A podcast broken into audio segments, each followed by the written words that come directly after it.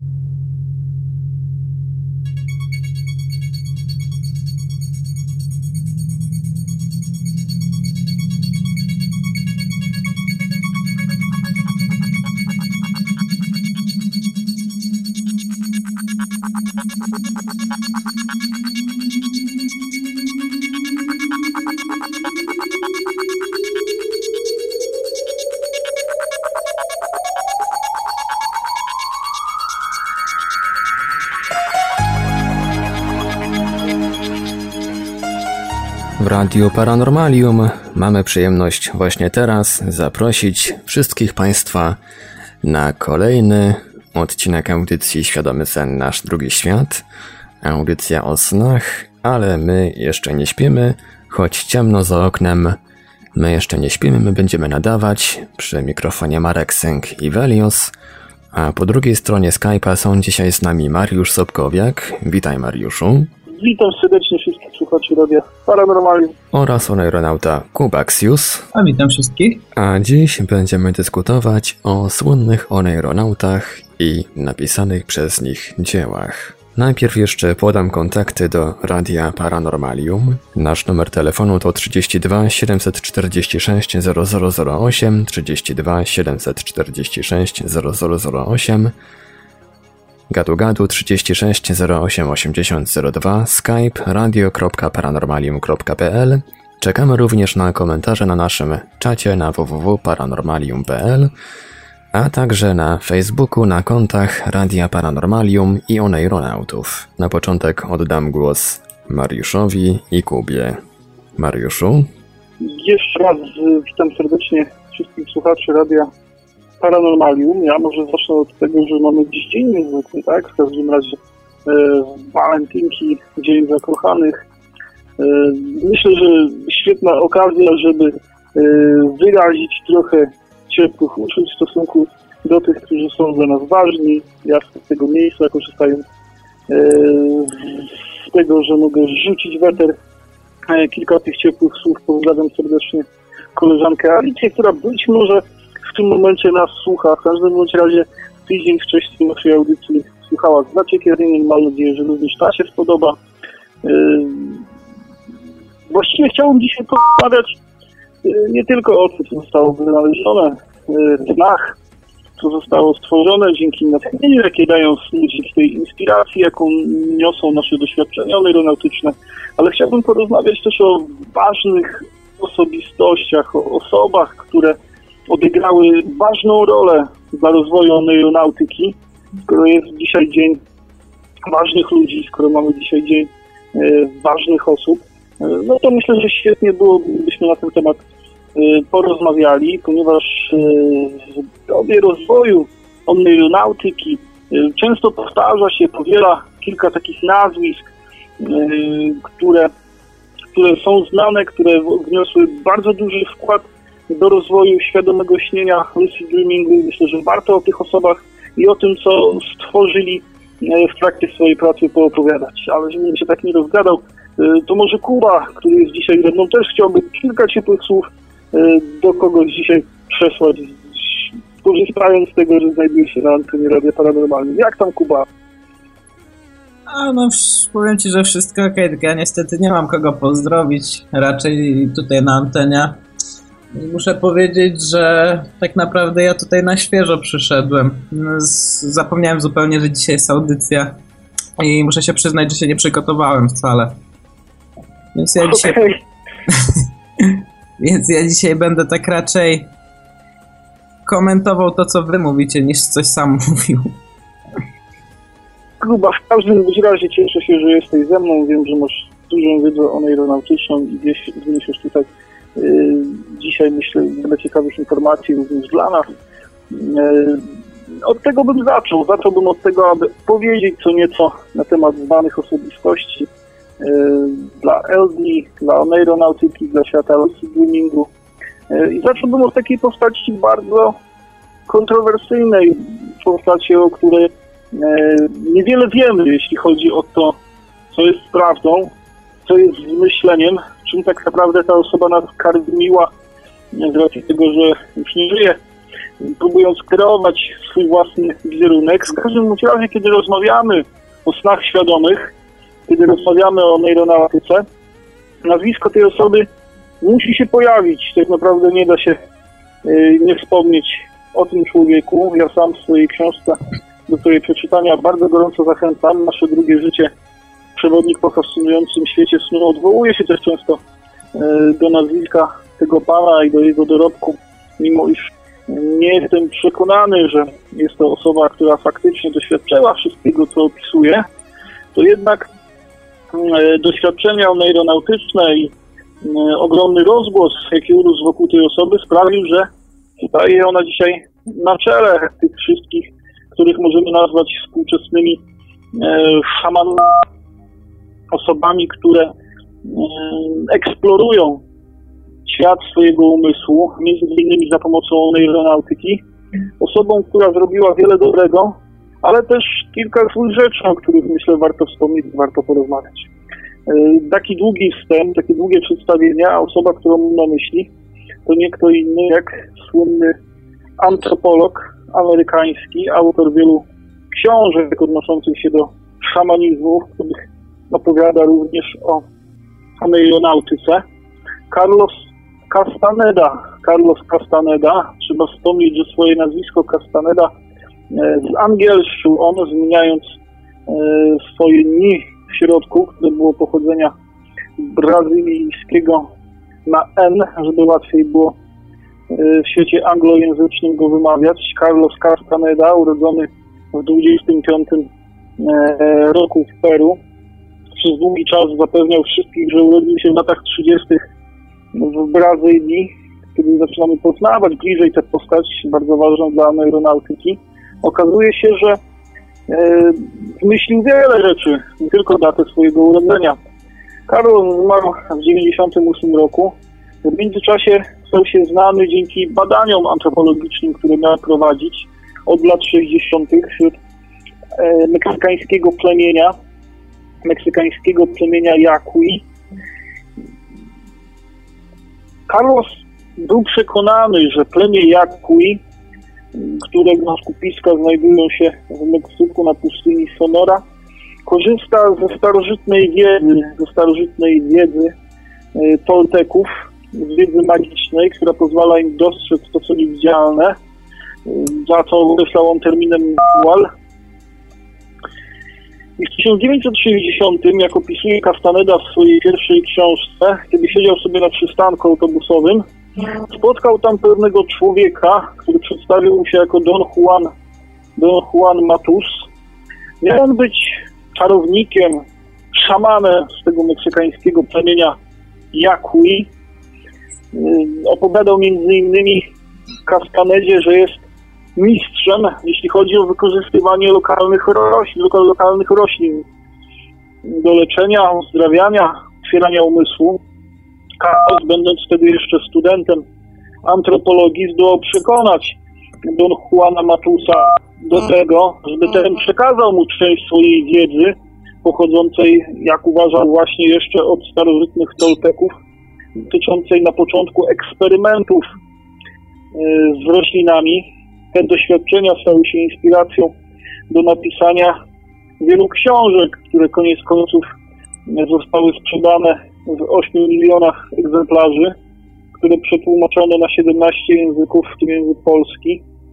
E, dzisiaj jego książki, takie jak Podróż do X-Plan, jedna z moich e, ulubionych, można kupić za niewiele, 15 zł w jednej z sieciowych księgarni jeśli ktoś nie potrzebuje trzymać tych książek na półkach, nie jest bibliofilem, nie lubi książek wąchać, dotykać, a wystarczy mu chociażby czytać je na ekranie swojego komputera, czytać je e, w swoim tablecie czy w innym urządzeniu z systemem Android, to informuję, że na naszym oneironautycznym chomiku, na chomikuj.pl po wpisaniu Oneiro Society znajdzie on całą masę, masę książek Castanedy, Carlosa, takich jak właśnie podróż do Xlan, czy chociażby sztuka śnienia w formacie PDF.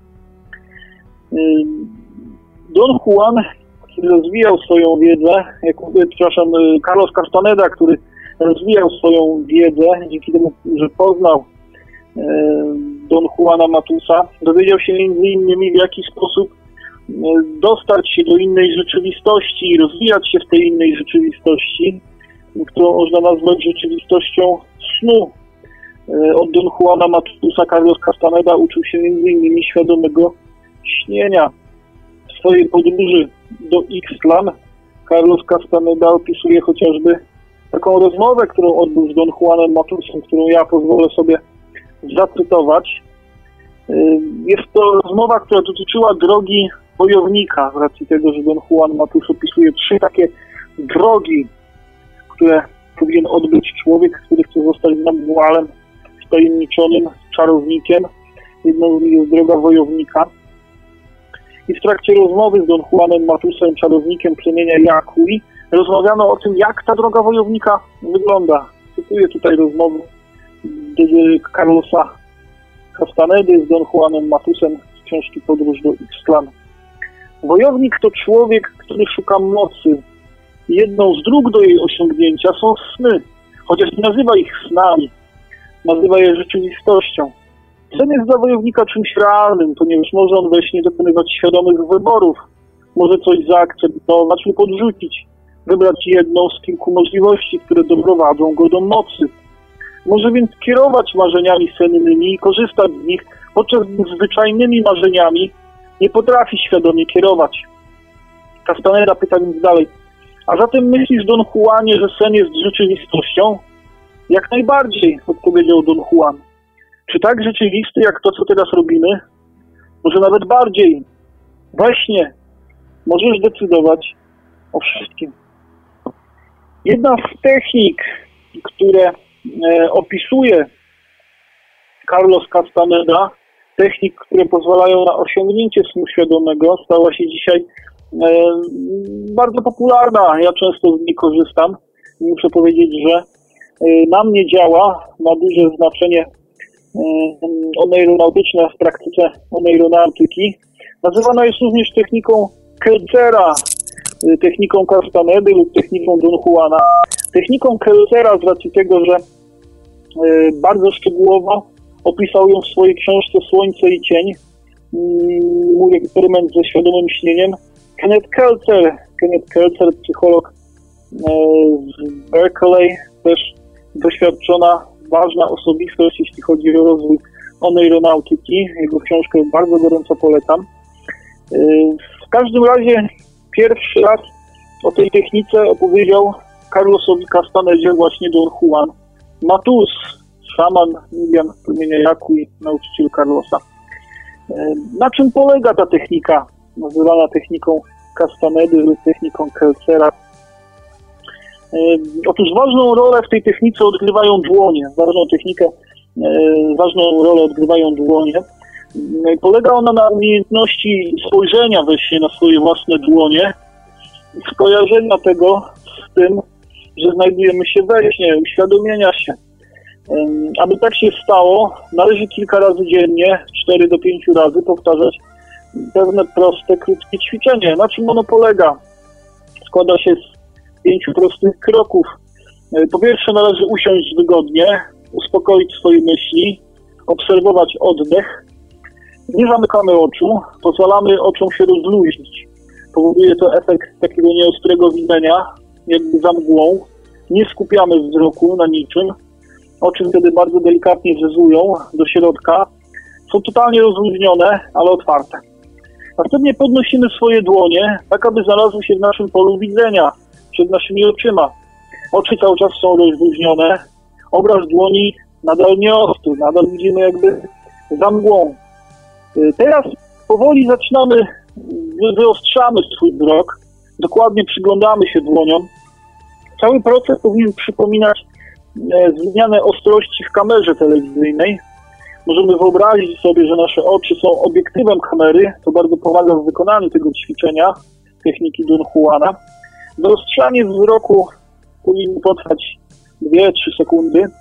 Przyglądamy się swoim dłoniom, zwracamy uwagę na wrażenia wizualne, przenosimy naszą uwagę na ten proces e, percepcji, na, na to spoglądanie, na te wrażenia, które odbieramy. W czasie przyglądania się swoim dłoniom powtarzamy dwa, trzy razy zdanie. Widzę swoje dłonie we śnie, wiem, że teraz śnię. Następnie pozwalamy z powrotem na rozluźnienie wzroku, na rozluźnienie uwagi. Obraz dłoni znowu stanie się nieostry, a uwagi swojej nie będziemy na niczym skupiać. E, teraz ponownie powtarzamy cały proces skupiania się na dłoniach, na tych wrażeniach wizualnych, jak yy, przy zmianie ostrości kamery TV i ponownie rozluźniamy wzrok. Taka zmiana ostrości widzenia, zmiana naszej uwagi yy, powinna następować około 4-5 razy. Ostatnim razem powinno odbyć się już w wyobraźni, po zamknięciu naszych oczu, a więc za pomocą wizualizacji. Wtedy możemy wyobrazić sobie, że w jakiejś scenie z naszego snu podnosimy dłonie do góry, przyglądamy się naszym dłoniom, uświadamiamy sobie, widzę swoje dłonie we śnie, wiem, że teraz śnie. Na koniec powinniśmy posiedzieć w spokoju przez parę minut, nie myśląc o niczym, stać, przejść do naszych codziennych zajęć. Całe ćwiczenie należy powtórzyć jeszcze przed położeniem się spać, oczekując tego, że obraz naszych dłoni ukaże nam się w śnie, a my dzięki temu rozpoznamy, że śnimy. Y, tak tę technikę opisał Kenneth Kelter w swojej książce Słońce i Cień, książkę, którą bardzo gorąco polecam. Ci, którzy ją przeczytają, dowiedzą się, że po zastosowaniu tej techniki, techniki, którą Don Juan przekazał Carlosowi Castanedie, y, Kelcerowi udało się uzyskać stan świadomego śnienia już po dwóch tygodniach praktyki, po dwóch tygodniach stosowania techniki e, Don Juana. Ja wiele razy dziennie spoglądam na swoje dłonie e, właśnie z taką intencjonalnością, z celem sprawdzenia tego, czy śnie, czy też nie śnie. I muszę powiedzieć, że we śnie właśnie często od tego spojrzenia na dłonie rozpoczyna się proces uświadomienia, odpowiednie zmiany w stopniu pobudzenia tych części mózgu, o których mówiłem tydzień temu i wtedy często odzyskuje świadomość, zwłaszcza, że w naszych snach z naszymi dłońmi często jest coś nie tak. Wielokrotnie zdarzało mi się, że dłonie, na które spoglądałem we śnie, miały dużo więcej e, palców niż te tradycyjne pięć palców u każdej dłoni, czy też do dłoni przyrośnięta była wielka e, rękawica. Mm, trzeba wspomnieć, że Carlos Castaneda, ucząc się postaw magii, ucząc się postaw e, różnego rodzaju praktyk szamańskich, jakby ucząc się śnienia świadomego od Don Juana Matusa, e, stosował często halucynogenne rośliny, szczególnie pejot, to Pejot był pierwszą rośliną, o której Don Juan Matus wspomniał podczas pierwszego spotkania z Carlosem Castanedą na przystanku autobusowym, gdy czekał na autobus. E, jest to chyba najbardziej taki kontrowersyjny aspekt pracy Castanedy, ponieważ we wszystkich swoich książkach opisuje on stosowanie roślin psychodelicznych.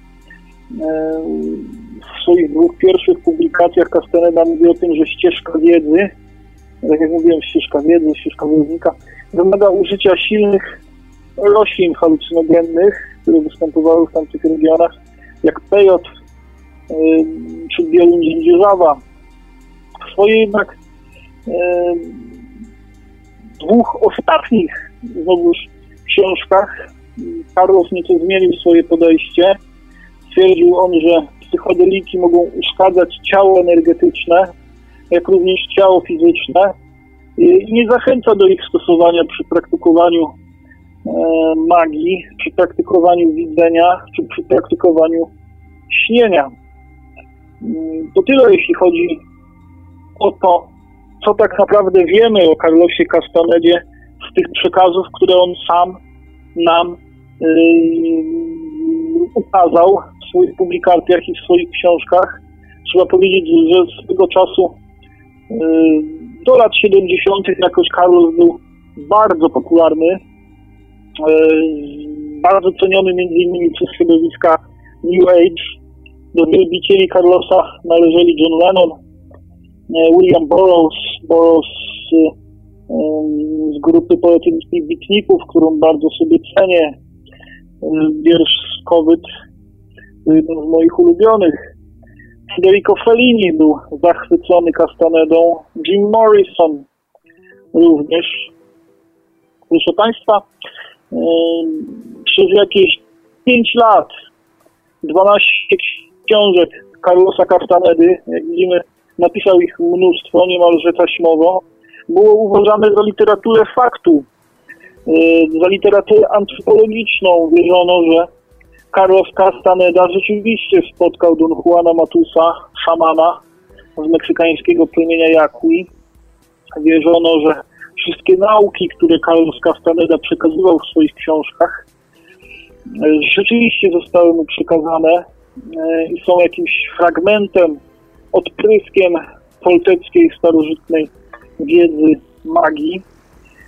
Sceptycyzm zaczął narastać w 1972 roku. W 1972 roku wtedy Joyce Carol Oates w liście do New York Timesa wyraził bardzo, bardzo, bardzo krytyczne zdanie wobec książek Carlosa Castanedy. Stwierdził, że dziwi go niezmiernie to, że książki Castanedy znajdują się na półce literaturą faktu, już wszystko to należy uznać po prostu za e, fałsz. Wprawdzie literaturę piękną, napisaną ciekawym językiem, ale nic z tego nie mogło wydarzyć się naprawdę. E, w następnym roku, w 73, Times opublikował artykuł, w którym stwierdził, że Carlos kłamał wielokrotnie, kiedy mówił o swojej przyszłości, między innymi o dacie urodzenia czy o miejscu urodzenia. Największym e, badaczem, który niestrudzenie starał się udowodnić, że Castaneda e, kłamał, oszukiwał e, w swoich książkach i że nie należy ich traktować jako rzeczywistość, jako literaturę faktu, jako odbicie antropologicznych badań przeprowadzonych przez Castanedę, był psycholog Richard DeMille. Richard DeMille opublikował szereg prac, w których wykazywał nieścisłości twórczości Castanedy. Mm, pisał on, że są to swego rodzaju plagiaty. Mm, wydał nawet w 1980 roku zbiór cytatów. Mm, były to cytaty z myśli, słów Don Juana Matusa, jednocześnie podając źródła, z których prac te myśli tak naprawdę miały pochodzić. Z Wittgensteina, C.S. Lewisa, z dalekowschodnich duchowych mistrzów czy antropologicznych periodyków. Tak naprawdę e, Demil twierdził, że wszystkie te myśli, również te związane ze śnieniem, z tym śnieniem świadomym, które miały wychodzić z ust e, Don Juana, wypływają tak naprawdę z twórczości wielu różnych pisarzy, z których dorobku korzystał Carlos Castaneda, Demir był więc przekonany, że był on kłamcą, ale kłamcą niezwykłym. Był urzeczony jego literaturą tak naprawdę. Do końca Carlos Castanera twierdził, że jego spotkania y, z plemieniem Jaku i w tym z y, niezwykłym magiem, czarownikiem plemienia Jaku i Don Juanem Matusem odbyły się naprawdę. Y, kolejnym takim dowodem na to, że jest to jednak mit i wymysł Castanedy, który odegrał ogromną rolę w takich praktykach szamańskich w latach 70., jak również dzisiaj. Wielu neuronautów czyta książki, odwołuje się do Castanedy, również psychologii zorientowanej na proces. E, Castaneda odgrywa bardzo ważną rolę, jego publikacje.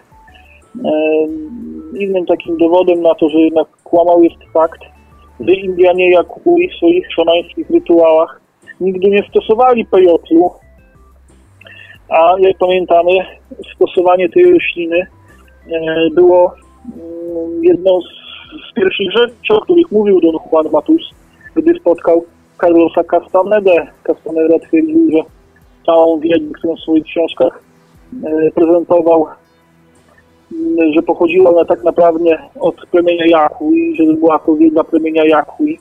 Jednak w przypadku, gdy rzeczywiście przeprowadzono antropologiczne badania tego plemienia, okazało się, że wcale ten pejot przez to plemię nie był stosowany.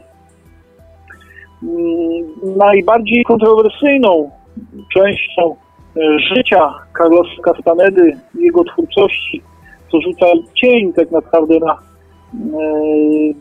na, na, na, na jego twórczość i na życie tego człowieka. Zaczęło się dziać w latach od lat 70., od pierwszej połowy lat 70., w 73 roku Castaneda wycofał się z życia publicznego, gdy pojawiły się pierwsze głosy krytyczne, o których mówiłem. List opublikowany w Timesie, następnie duży artykuł, w którym ujawniono kłamstwa Carlosa Castanedy. W 1973 roku Carlos zaczął znikać z życia publicznego. Zabronił wykonywania sobie jakichkolwiek zdjęć czy nagrywania go na kamerę. Gdyby nie kobieta, która śledziła go od tamtego okresu, robiąc potajemne zdjęcia, kręcąc, grzebiąc w śmietniku Carlosa Castanedy w poszukiwaniu informacji na temat tego, co się z nim teraz dzieje. Kobiety, która później wydała na ten temat książkę, trzeba przyznać, była kochanką Castanedy, którą on jednak wykluczył ze swojego grona. Jakież to grono? Od 1973 roku Carlos Castaneda rozpoczął tworzenie takiej sekretnej grupy osób, które skupił wokół siebie, wokół swojej twórczości. Carlos myślał nawet o stworzeniu czegoś w rodzaju kultu swojej własnej religii, podobnie jak Hobart zrobił w przypadku scjentologii. A w końcu jednak odpuścił sobie tworzenie takiej grupy religijnej, duchowej, new age'owskiej. Zaczął natomiast praktykować swego rodzaju ćwiczenia duchowo-ruchowe i zaczął wraz ze swoją grupą te ćwiczenia szerzyć, prowadzić kursy, które są prowadzone po dzień dzisiejszy. W tym celu założył firmę, którą nazwał Clear Green. Promowała ona tensegrity. Tensegrity były właśnie techniką ruchową, która przypomniała połączenie tai chi z, tańca, z tańcem. Oczywiście e, cała filozofia tenseglitów, jak również e, tej praktyki miała zostać przekazana Carlosowi przez nikogo innego przez Don Juana Matusa. E, I dalej w formie warsztatów tenseglity były promowane przez Castanedę. Castaneda skupił więc wokół siebie swoich zagorzałych zwolenników, rozpoczął tworzenie takiej sekretnej grupy, którą scalały jego książki, którą scalała to technika ruchowych ćwiczeń transyglitów, która miała być odziedziczona po starożytnych Toltekach. Wokół Kastanety gromadziły się głównie kobiety. Te kobiety, zaufana grupa kobiet stanowiły trzon jego sekretnej grupy, jego organizacji. Wszystkie te kobiety, które skupiły się wokół Kastamedy, zmieniały swoje imiona zgodnie z tym, że należy porzucić, czy też wymazać swoją przeszłość, żeby stać się czarownikiem Naguałem. Zmieniały więc swoje imiona. Ogólnie nazywano je czarownicami. Jedną z czarownic, z których pięć odgrywało główną rolę wokół Castanedy, była Florinda Donner. Florinda Donner, jedna z kobiet, która, jak uważano, dorównywała mu inteligencją i charyzmą, napisała swoją własną książkę, w której twierdzi, że y, spotkała Don Juana Matusa, który przedstawił jej się pod innym imieniem Mariano Aureliano. Y, trzeba przyznać, że według czarowników plemienia Jakui imię, nasza przeszłość nie są istotne, nie są ważne, dlatego łatwo tej kobiecie przyszło przyjęcie nowej tożsamości wraz z nowym imieniem, jak Florinda Donner. Napisała więc swoją książkę, w której twierdzi, że również pobierała nauki w plemieniu Jakui, spotkała Don Juana Matusa, spotkała oczywiście Carlosa Castanedę. Jej książka, w której na swoich 215 stronach opisuje ona nauki, jakie pobierała od szamanów, dotyczą ściśle i tylko i wyłącznie świadomego śnienia. Książka Florindy Donner pod tytułem Życie we śnie, inicjacja w świecie szamanów, traktuje o tym, w jaki sposób świadome śnienie przenika się z naszym życiem na jawie, w jaki sposób świadomościenie można praktykować. Na początku Florinda Donnell, gdy jest nauczana mm, przez czarowników i przez kobiety z plemienia Jaku, jest przerażona tym, że nie jest wręcz w stanie w pewnym momencie odróżnić snu od rzeczywistości, nie wie czy śni, czy też nie. Tym bardziej, że należy wspomnieć, iż według plemienia Jakui, co przeziera przez wiele książek Carlosa Castanedy, jak również przez książki Florindy Donner, wierzono i praktykowano wspólne świadome śnienie. Wspólne świadome śnienie, e, czyli takie zjawisko, które miałoby polegać na tym, że kilka osób mogłoby przebywać we wspólnym śnie, we wspólnej przestrzeni sennej. E, gdybyśmy uznali, że książki Castanedy, kilkanaście książek Castanedy rzeczywiście stanowią literaturę faktu i są dziełami antropologicznymi, e, wtedy powinniśmy uwierzyć również w możliwość wspólnego świadomego śnienia, tak jak widzieliśmy to w filmie Nolana Incepcja. E, wielokrotnie z postaciami, które i Castaneda, i Florinda Donner spotykali w świecie na jawie, spotykali się z nimi również w świecie we śnie, gdzie wchodzili z nimi w interakcję, rozmawiali, a później na ten temat rozmawiali również ze sobą w świecie na jawie i wszyscy o tym pamiętali, więc wspólne świadome śnienie miałoby być czymś dla plemion dawnych, takie jak plemię, plemiona Jakui, czymś normalnym. E, według Florindy Donner w jej książce Życie we śnie, to właśnie kobiety, kobiety posiadają mm, niezwykłą zdolność do świadomego śnienia, większą niż mężczyźni.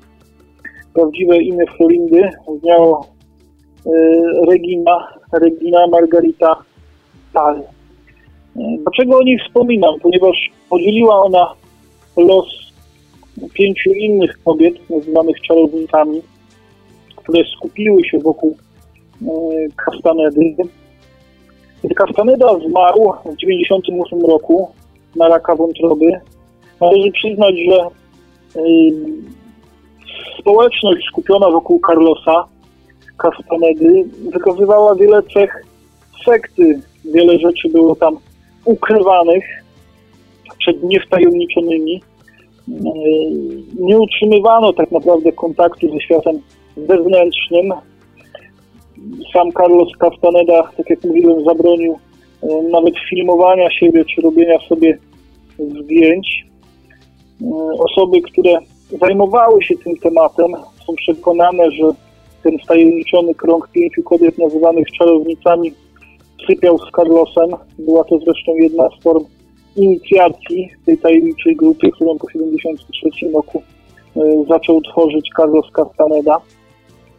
Najbardziej zastanawiające jest to, że gdy Carlos zmarł w 1998 roku, zaczęły ginąć również te kobiety, te czarownice, z jego wewnętrznej grupy. E, Florinda Donner, o której tutaj mówiłem i której książkę trzymam właśnie w ręku, Życie we śnie, bardzo gorąco polecam, niezależnie od tego, czy opisane w niej wydarzenia są fikcją, czy też wydarzyły się naprawdę, w co gorąco wierzyła Florinda Donner.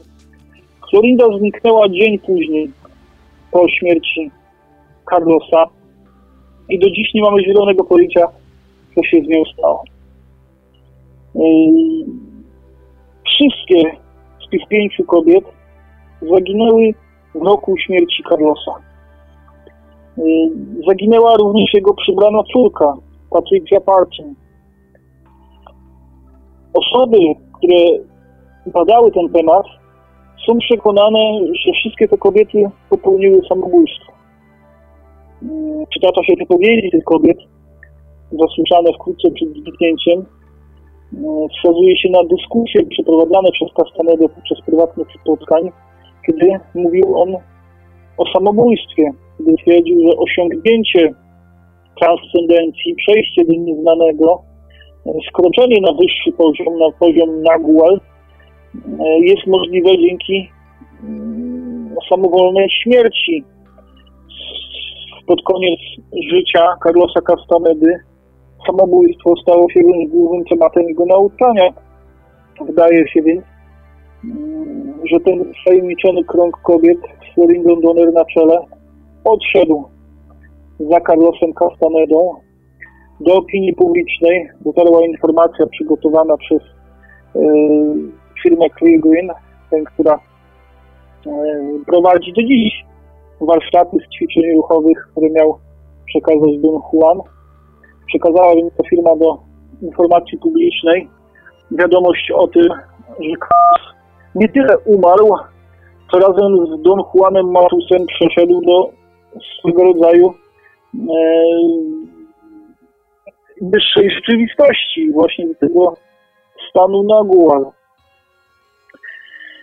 Informacja o tym, że Carlos Castaneda cierpiał na raka wątroby, była ukrywana e, również przed członkami jego sekretnej grupy. Zdaje się, że wiedziały o tym tylko jego czarownice, takie jak Florinda Donner, e, czy Amelia Marquez, Taisha Abelard. E, informacja ta nie mogła przeniknąć do wiedzy i członków grupy, i opinii publicznej, z racji tego, iż uczono, że czarownikowie i czarownice nie mogą tak naprawdę chorować, więc wiadomość o tym, że Carlos Castaneda cierpi na raka wątroby wywołałaby znaczne kontrowersje wewnątrz grupy. Do dziś nie mamy zielonego pojęcia, co stało się z kobietami skupionymi wokół Carlosa Castanedy. Niektórzy twierdzą, że popełniły one samobójstwo kacząc do szybu sztolni, które znajdowały się na pustyni w okolicach Palo Alto. W każdym bądź razie e, na dnie e, takiego kanionu w Dolinie Śmierci w Stanach Zjednoczonych znaleziono w 2006 roku szkielet, e, który na podstawie badań DNA określono jako szkielet przybranej córki Patrycji Patin, Wydaje się, że popełniła ona samobójstwo i prawdopodobnie to samo stało się zresztą kobiet skupionych wokół Carlosa Castanedy. Przy całym szacunku do Carlosa, wynikającym z ogromu pracy, jaką wykonał e, dla popularyzacji e, wśród ówczesnych wiedzy na temat rozwoju własnej świadomości, e, w tym oneironautyki, należy zaznaczyć, że pewnym okresie jego życia zaczął tworzyć coś w rodzaju prywatnej sekty. E, jego historia ma wiele ciemnych kart, takich jak to, co stało się z czarownicami skupionymi wokół Carlosa. Książki Carlosa Podróż do X-Plan, Sztuka Świadomego Śnienia, wiele innych e, są ogólnie dostępne, wielu z nich przetłumaczono na język polski. E, czy Kubo Czytałeś może którąś z książek Carlosa Castanedy albo jego postać e, jest ci znana, przewinęła się gdzieś, e, jeśli chodzi też o wiedzę na temat świadomego śnienia, o aeronautyki. Znaczy, ja powiem tak. O samym Carlosie słyszałem, ale e, czytać jego książek niestety nie miałem okazji jeszcze. Chociaż o samej, no, o technice Don Juana słyszałem, mm, przewijała się wiele razy. No, ciężko tego uniknąć. Za każdym razem, kiedy czyta się o świadomym śnie, zazwyczaj trafia się na Carlosa Castaneda. Tak, to jest właśnie jedna z takich postaci najbardziej kontrowersyjnych. Historycznie rzecz biorąc, też chronologicznie, podróżując y, od osoby do osoby związanej ze świadomym śnieniem, od Carlosa właśnie należałoby zacząć. I tak też zrobiłem. Gorąco apeluję do tego, żeby nie traktować y, jego literatury jako rzeczywiście literatury faktu, czy też rzeczywistych badań antropologicznych, jako przeprowadził on y, na pustyni Sonora. Wydaje się wręcz, że więcej czasu spędził w bibliotece, czytając Wittgensteina czy C.S. Lewisa i później przepisując ich myśli, które skompilował w swoich 12 książkach. Co jednakże ludzie głęboko przekonani o tym, że wszystko, co napisał, jest prawdą. Na wielu forach internetowych znajdą Państwo apologetów niemalże twórczości Carlosa Castanedy. Znajdziecie Państwo e, osoby gorąco przekonane o tym, że wszystko to, co opisywał Carlos, wydarzyło się naprawdę. Znajdą Państwo osoby, które wierzą, że świadome śnienie, to wspólne świadome śnienie jest możliwe, tak jak pisał to Carlos, że plemiona dawne, takie jak meksykańskie plemię Jakui, weszły już na wyższy poziom ewolucji, potrafiąc właśnie dokonywać tego stanu, wchodzić w ten stan świadomego śnienia i wchodzić w interakcję z innymi osobami we wspólnej przestrzeni ze mną. Ja go przestrzegam przed takim traktowaniem literatury Carlosa. Zachęcam jednakże do czytania dla tych, którzy są zainteresowani. Już dzisiaj mogą pobrać y, wiele publikacji Carlosa, naszego aeronautycznego chomika. Nasza spiżarnia jest wypchana niemalże po brzegi, a codziennie członkowie ruchu aeronautycznego starają się y, dokładać tam kilka cegiełek wiedzy, zarówno książek, filmów, muzyki, czy różnorodnych innych dzieł kulturowych związanych nie tylko ze śnieniem świadomym, ale również ze snami jako takimi. Y, żeby to zrobić, wystarczy wejść na stronę homikuj.pl i w wyszukiwarce wpisać Oneiro Society ten chomik, który się Państwu wyświetli, będzie naszym chomikiem. Chciałbym zaznaczyć, że żeby ułatwić osobom zainteresowanym zdobywanie wiedzy na temat świadomego śnienia, udostępniliśmy całość naszego transferu odnawianego co tydzień e, za darmo osobom zainteresowanym, więc można pobierać wszelkie pliki, również książki Carlosa Castanedy e, na koszt naszego transferu. Słyszałeś, Marku, o Carlosie Castanedzie? Masz jakąś, jakieś odczucia, opinie dotyczące tej osoby, swoje własne doświadczenia związane czy to z nim, z jego dziełami, z jego książkami? Znaczy, ja podobnie jak Kuba raczej y, tylko słyszałem o Castanedzie takie czy inne informacje, natomiast jakoś em, szczerze mówiąc nie kusi mnie, żeby, żeby sięgnąć po jego dzieła.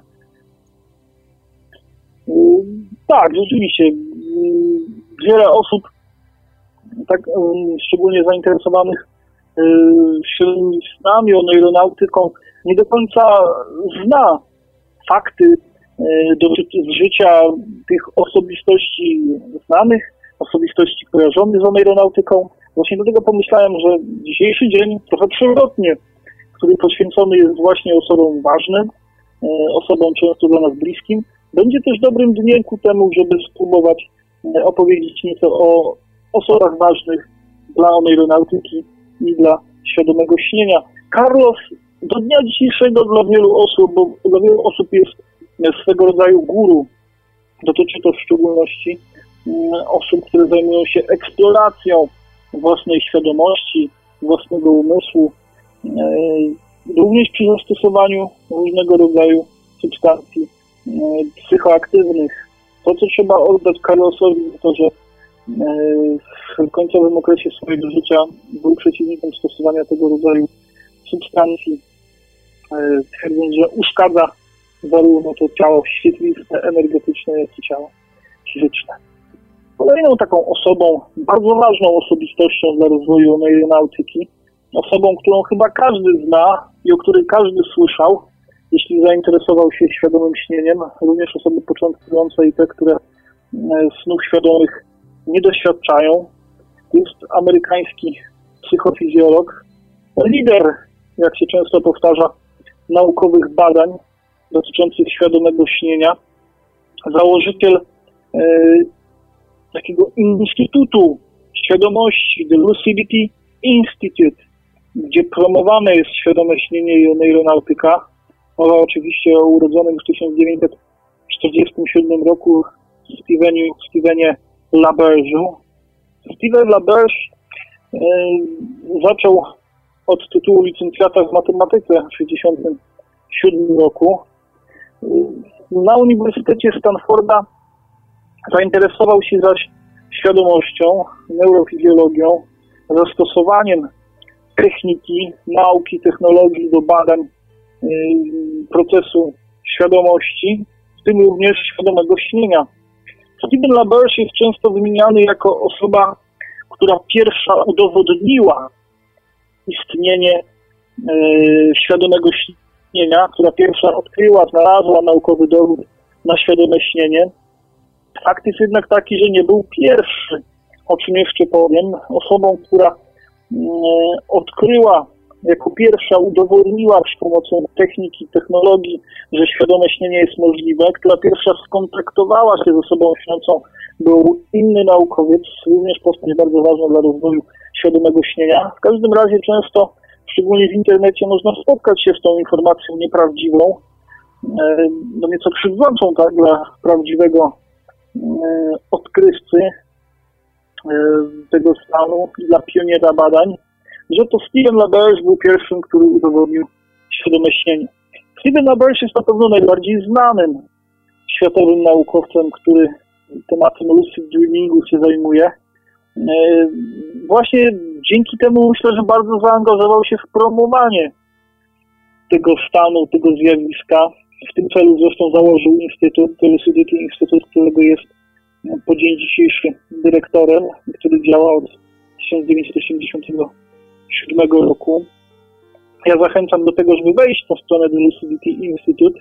Tutaj trzeba przyznać, że nie robi zielonego pojęcia, kto panom od Laberza przygotowywał layout tej strony, bo jest bardzo ubogi yy, i nieładny, to muszę powiedzieć. Yy, natomiast zachęcam również do wejścia na e, profil na Facebooku, który my bardzo sobie cenimy, ruchom aeronautyczny, z że znajduje się tam wiele ciekawych informacji, z których często korzystamy, informacji w języku angielskim, które e, tłumaczymy i staramy się udostępniać na naszej stronie. Tutaj bardzo ważna informacja, o której nie mogę zapomnieć którą starałem się, e, zapisałem sobie wręcz, żeby nie zapomnieć i przekazać. Proszę Państwa, zmienił się adres naszej strony internetowej ruchu aeronautycznego. Obecnie jest to już nie oneirosociety.tk, a oneiros society.tk przez 2S. Łatwo sobie skojarzyć z pewną niemiecką formacją SS. Także oneirosociety.tk bardzo serdecznie e, zapraszam do wejścia na stronę. Znajdziecie tam wiele artykułów, e, ciekawostek, kontakt do nas, informacje, czym właściwie jesteśmy. E, ruch aeronautyczny. Udostępniliśmy również możliwość słuchania radia paranormalium bezpośrednio ze strony oneiros.tk society.tk. Steven LaBerge napisał wiele książek, wiele publikacji dotyczących świadomego śnienia. Oparuje oczywiście na swoich własnych doświadczeniach i swoich własnych badaniach. Wiele z tych publikacji, jak Exploring the World of Lucid Dreaming, yy, czy Przewodnik yy, po świadomości w swoim śnie i w swoim życiu, z roku 2004 można znaleźć również na naszym aeronautycznym słowniku, do którego Państwa odsyłam. Zachęcam do zasłuchania, zachęcam do polecania nam również, co jeszcze chcielibyście tam znaleźć. Co więcej, do dzielenia się różnego rodzaju e, dziełami, literaturą, filmami czy nagraniami, innymi dorobkami kultury, nauki, techniki dotyczącymi świadomego śnienia. E, z racji tego, że wszystkim nam powinno zależeć na tym, aby wiedza o świadomym śnieniu była promowana, aby wiedza o e, świadomym śnieniu była przekazywana jak najszerszej liczby, liczbie odbiorców. Wtedy możemy liczyć na e, nowe doświadczenia i nowe odkrycia, tak jak w przypadku Stevena LaBerge'a. Steven LaBerge powinien być na pewno kojarzony jako osoba, która e, stworzyła, opracowała jedną z metod osiągania śnienia świadomego. Yy, tą technikę, zwaną techniką MIRP, od Mnemonic Induction of Lucid Dreams, odkrył on prowadząc badania w ramach swojej pracy doktorskiej yy, w 78 bodajże, mogę się mylić, roku opublikowanej. Na czym polega technika MIRP? Yy, czy tutaj Kuba chciałby się z nami podzielić swoimi doświadczeniami, czy swoją wiedzą dotyczącą techniki Y, Milk, odkrytej, opisanej właśnie przez Stevena Labarza. Znaczy, muszę Ci powiedzieć, mm, że zbyt, duży, zbyt dużych doświadczeń z tą techniką nie mam, ponieważ ja zazwyczaj używam techniki build. Hmm, ciężko mi mówić na ten temat po prostu. Prawda, brzmi podobnie i Wild i Mild, ale tak naprawdę jeśli chodzi o sposób ich y, przeprowadzenia czy korzystania z tych technik, to są one odmienne i różne. A to ja Cię poproszę jednak, żeby na chwilę moje y, gardło zniszczone alkoholem i narkotykami odpoczęło, żebyś opowiedział nam o technice WILD, jeśli możesz, być może o swoich własnych doświadczeniach też dotyczących techniki WILD, a ja potem przekażę Państwu, na czym polega technika MILD, taka oryginalna przez Stevena Leberza wymyślona. Da, dasz radę opowiedzieć tam o WILDzie? O Wildzie? E, tak, o myślę, że, myślę, że powinienem dać radę. Em, no to może. Za... Um, Wild jest techniką mm, polegającą na świadomym usypianiu, tak naprawdę. Em, polega ona na tym, że podczas zasypiania nie ma przerwy w naszej świadomości i przechodzimy świadomie przez cały proces usypiania, tak naprawdę. Mm. Najlepiej tę technikę wykonywać mm, po kilku godzinach snu, tak naprawdę. Po czterech godzinach snu, mniej więcej. Następnie położyć się do łóżka i spróbować usnąć ponownie. Mm, Aby zachować świadomość podczas tego usypiania, yy, no, używa się takich rzeczy, które nazywa się kotwicami snu. Mm. Mogą to być różne rzeczy. No, zwykłe skupienie się na oddechu jest już kotwicą. Nie wiem, samo wchodzenie do snu polega na tym, że leżąc na łóżku, na samym początku zaczynamy odczuwać hipnagogi najprostsze. Hipnagogi są to różne obrazy, doznania i dźwięki, które rozpoczynają nas sen tak naprawdę. Mm, To są halucynacje, tak na przywidzenia. Mniej więcej coś takiego. Mm, Następnie zaczniemy czuć pewne mrowienie, mm, które będzie oznaczało e, obejmowanie naszego paraliż sen. Będzie oznaczało to, że nasze ciało wchodzi w paraliż senny. Paraliż senny jest tak naprawdę jedną, e, jest punktem kontrolnym tej techniki, który pozwala, mm, który tak naprawdę już ciężko mi się wysłowić naprawdę o tej porze. Mm, Jest punktem kontrolnym, który mm, już tak naprawdę świadczy o tym, że technika nam się udała. Jeśli uda nam się dojść do paraliżu sennego, to znaczy tego, że nie możemy poruszyć naszym ciałem, jesteśmy już tak naprawdę na miejscu. Wtedy wystarczy wyobrazić sobie chociażby scenerię, w której chcemy znaleźć się we śnie, a po chwili nasz umysł przerzuci nas w to miejsce. Paraliż jest o tyle ważny, y, że powoduje on, że nasze ruchy nie przenoszą się na, bezpośrednio na świat fizyczny, a właśnie od razu do świata snu. No i mniej więcej na tym polega technika Wild. No tak, bo paraliż, paraliż jest tą informacją o tym, że wchodzimy e, w fazę REM, gdy pojawiają się e, marzenia senne, więc tak jak mówisz, e, jest to cel naszej podróży i często wtedy wystarczy sobie wyobrazić, że gdzieś się znajdziemy i, i w tym naszym marzeniu sennym tam właśnie będziemy. Wild opiera się więc na przechodzeniu od jawy do stanu marzenia sennego bez utraty świadomości. Technika MILT, która została odkryta właśnie przez Stevena Laberża, już chociażby za to należy się temu panu e, wielkie podziękowania od społeczności neuronautycznej, dlatego możemy o nim mówić jako e, znanej czy wielkiej osobie zasłużonej dla świata Oneiro. Na czym polegała ta oryginalna technika e, MILT wymyślona przez Stevena Laberża? Składa się ona tak naprawdę z dwóch, e, z dwóch faz, dwóch procesów.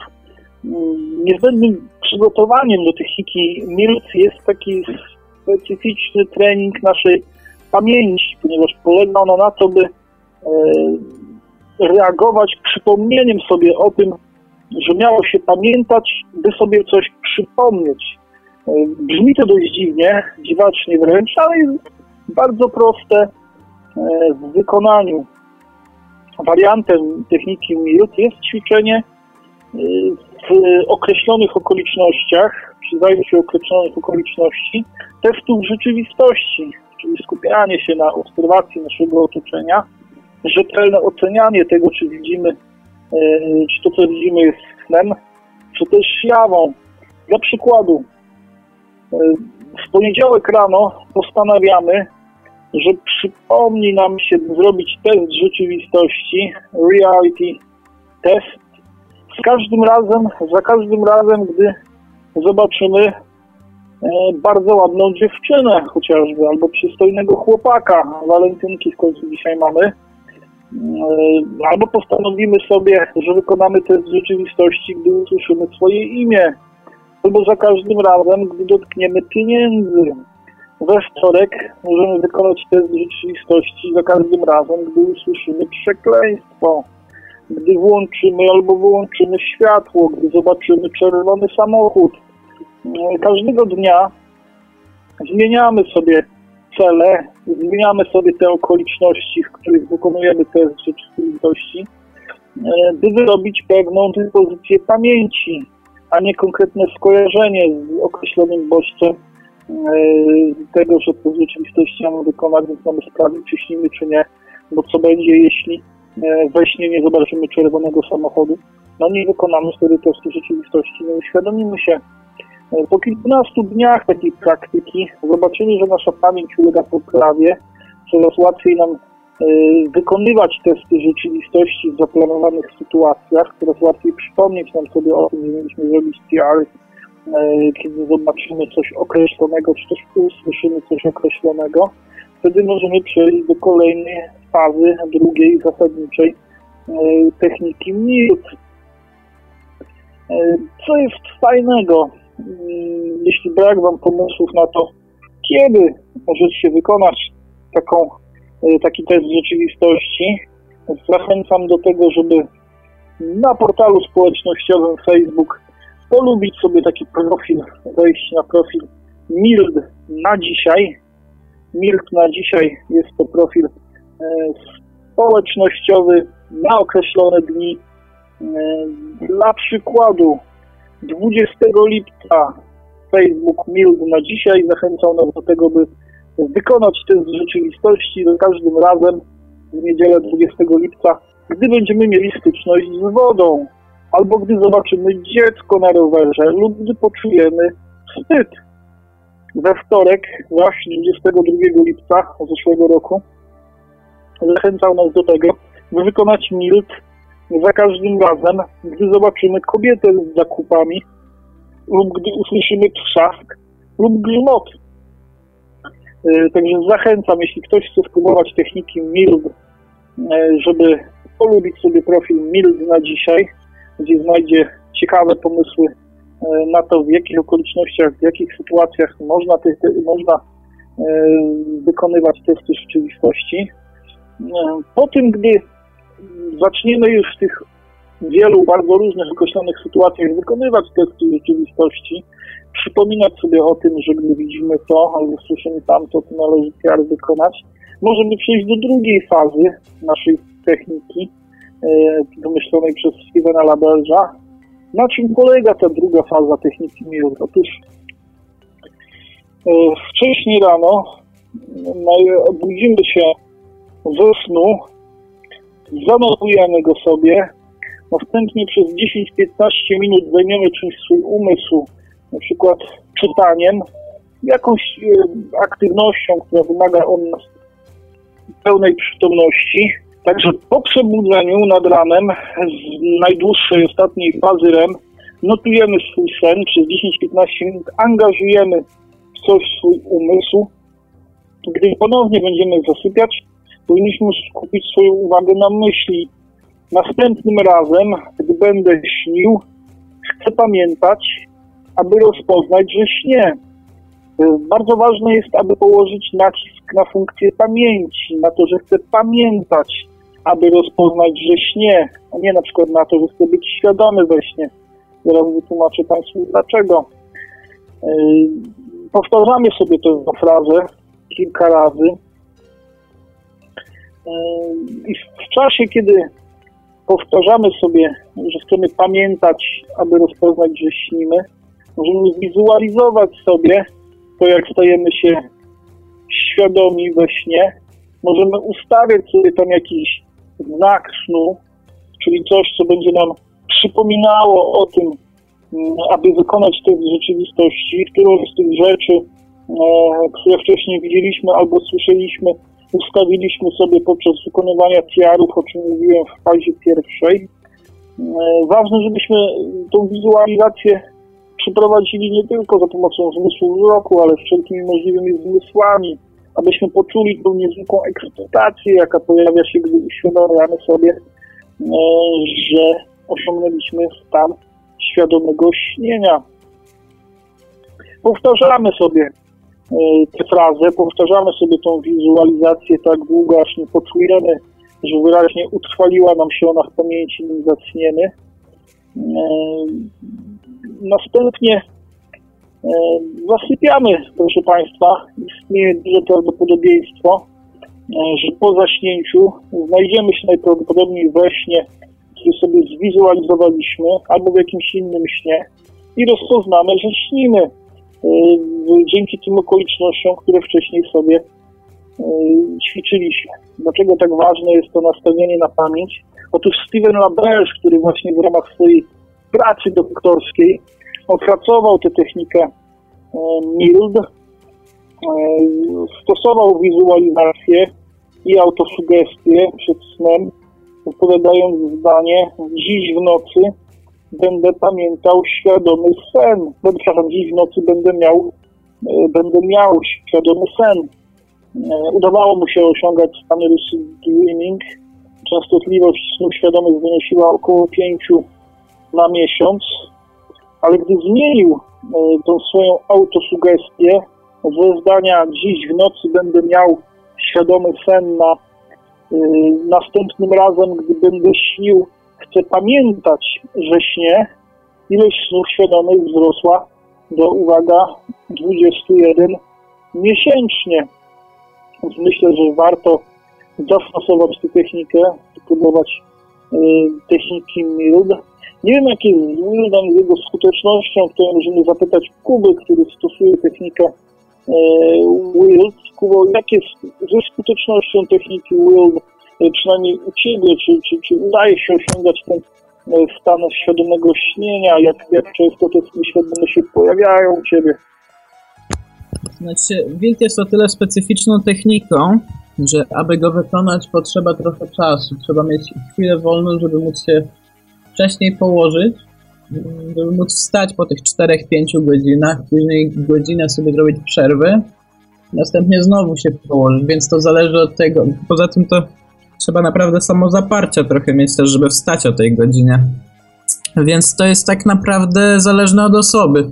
Niektórzy będą mieli siłę wstawać tylko w weekendy i to będzie się wtedy ograniczało do nie wiem, 4, 8 snów w miesiącu, 6, no ale jeśli, a jeśli ktoś będzie miał naprawdę siłę to robić codziennie, co, co tak naprawdę jest już męczące, no to będzie mógł to nawet też do 20 myślę, mi się udać. Czy jest jeszcze jakaś technika oneironautyczna, którą stosujesz, którą y, chciałbyś się z nami podzielić?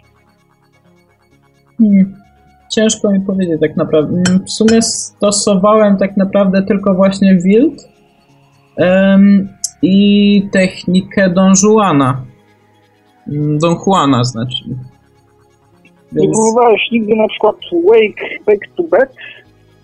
No właśnie e, WBTB najlepiej mhm. sprawdza się najlepiej sprawdza się z Wildem.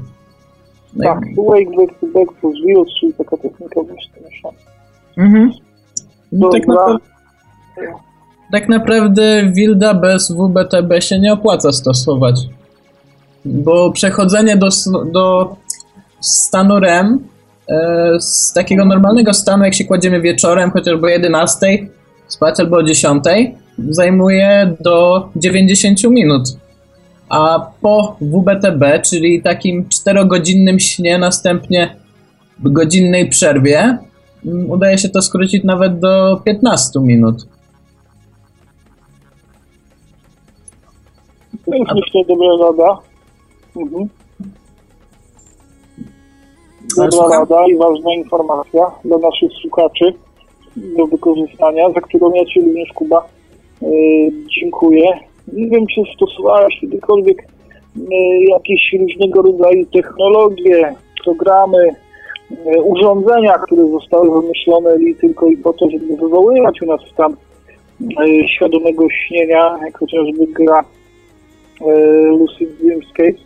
W każdym bądź razie Steven LaBerge, założyciel Lucidity Institute, e, wymyślił również wiele urządzeń czy programów, które miały wspomagać osiągnięcie stanu świadomego e, śnienia. Jednym z nich była maska Nova Dreamer. E, Przepraszam, Dreamlight nosiła wtedy nazwę Dreamlight, kiedy ją wymyślił jeszcze Steven LaBerge. Została później ulepszona właśnie do postaci e, Nowa Dreamer przez członka Lucidity Instytut Craiga Weba, e, na której opiera się też chociażby Dreamer Pro na zasadzie działania, także możemy powiedzieć, że również e, zastosowanie tego urządzenia, takich masek, które mają indukować stan świadomego snu, zawdzięczamy nikomu innemu, tylko Stevenowi e, Laberge. Steven Laberge do dnia dzisiejszego żyje pan, jak najbardziej Steven Laberge żyje, gdyby ktoś miał ochotę zadać mu jakieś pytanie, skontaktować się ze Stevenem Laberge'em, to podaje on do siebie e-mail, mm, który jest jednocześnie e-mailem do Instytutu Lucidity, kontakt. przez angielskie oczywiście przez C, kontakt małpa asd małpa lucidity.com. Steven Laberge e, do dzisiaj prowadzi doświadczenia i szerzy wiedzę dotyczącą świadomego śnienia. Między innymi jest zafascynowany e, tybetańskim buddyzmem i, i tradycyjną e, jogą snu, która z tym buddyzmem jest związana. Żałuję, żałuję że nie ma dzisiaj z nami e, Bartka Zięby, Bartek Zięby, Zięba o jodze snu, którą również jest za- zafascynowany, mógłby nam opowiedzieć. Mm, Wiem również, że o wykorzystaniu jogi e, i medytacji pod kątem świadomego śnienia bardzo dużo e, wie i dużą wiedzę posiada Adam Bytow. W każdym bądź razie Steven Laberge, który również zafascynowany jogą śnienia e, tybetańskim buddyzmem, szerzy wiedzę na temat lucid dreamingu. Ze strony Lucidity Institute możemy się dowiedzieć, że prowadzi warsztaty e, na całym świecie.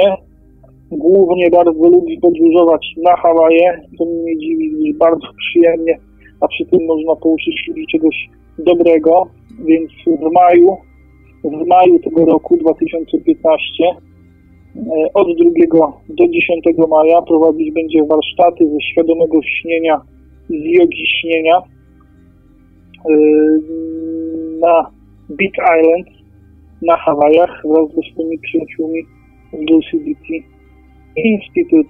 Jeśli ktoś ma zasobny portfel, to przy okazji chciałby w maju wybrać się na jakieś fajne wakacje i nie rezygnować jednocześnie z aeronautyki, no to być może 2-10 maja 2015 spędzi na Big Island na Hawajach e, na warsztatach prowadzonych przez Stevena Laberge'a i jego przyjaciół z Institute. W każdym razie dziękujemy Laberge'owi za wszystkie jego dokonania, za badania, które prowadził nad świadomym śnieniem, e, za książki, które przy, e, przybliżają nam kwestie świadomego śnienia, takie jak Explorer the World of Lucid Dreaming, którą czytałem.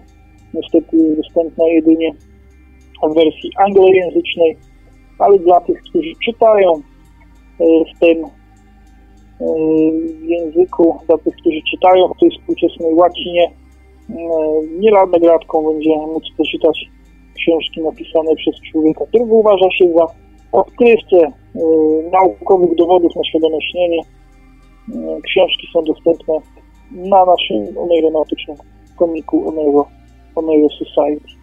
Chciałbym zaznaczyć wszystkim tym, którzy, którzy słuchają naszych audycji na antenie Radia Paranormalium cyklicznie co tydzień, że wiele informacji, bardzo wiele informacji, które się tutaj pojawiają, bardzo wiele z tej wiedzy, którą się z Państwem dzielę, można wykorzystać do tego, żeby rozwiązać nasz oneironautyczny quiz.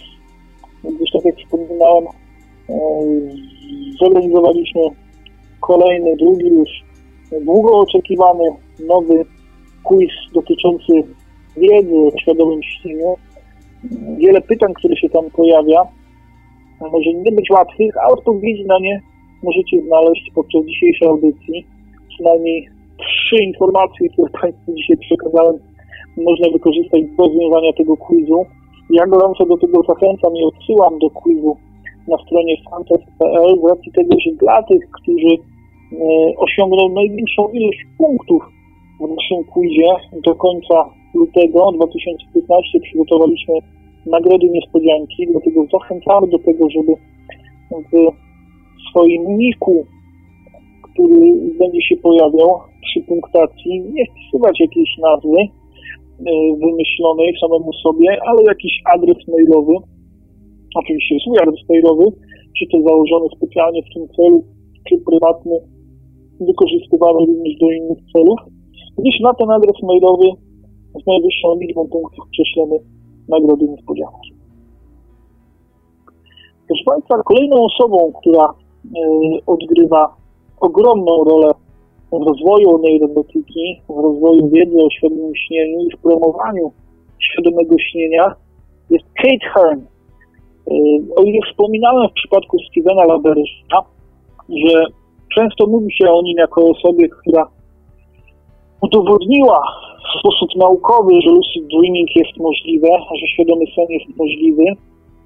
E, to jest to błąd, gdyż pierwszą osobą, która udowodniła e, świadome śnienie w sposób naukowy i która skontaktowała się z osobą śniącą, był właśnie dr e, Kate Hearn.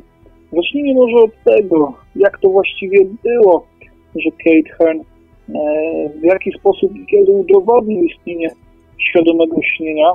Proszę sobie wyobrazić, że w ramach swojej pracy doktorskiej Kate Hearn razem ze swoim współpracownikiem Worsleyem e, prowadzili badania, za pomocą których chcieli udowodnić istnienie takiego zjawiska snu świadomego i z tymi celami jako sposób na komunikację z osobą śniącą wybrali sobie synchronizowane ruchy gałek ocznych.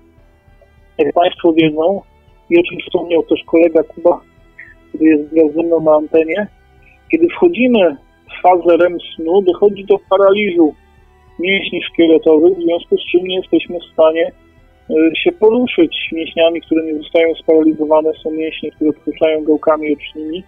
Wykorzystując ten fakt i wykorzystując e, wiarę to, że możemy znaleźć się w świecie marzenia wspólnego, jednocześnie nie stracić świadomości, nie stracić pamięci E, dotyczącej tego, co działo się na jawie, Kate Hearn umówił się z badanymi, z osobami, które twierdzą, że doświadczają snów świadomych, że gdy znajdą się one w fazie REM, gdy znajdą się w stanie snu świadomego, zasygnalizują osiągnięcie tego stanu poprzez synchronizowane ruchy gałek ocznych left, right, czyli prawo, lewo, prawo, lewo. E, ten sygnał połączony z badaniem EEG wskazującym, że dana osoba znajduje się w fazie REM, będzie dowodem na to, że taka osoba nie straciła świadomości w czasie snu. Będzie pierwszym naukowym dowodem na prawdziwość zjawiska świadomego śnienia.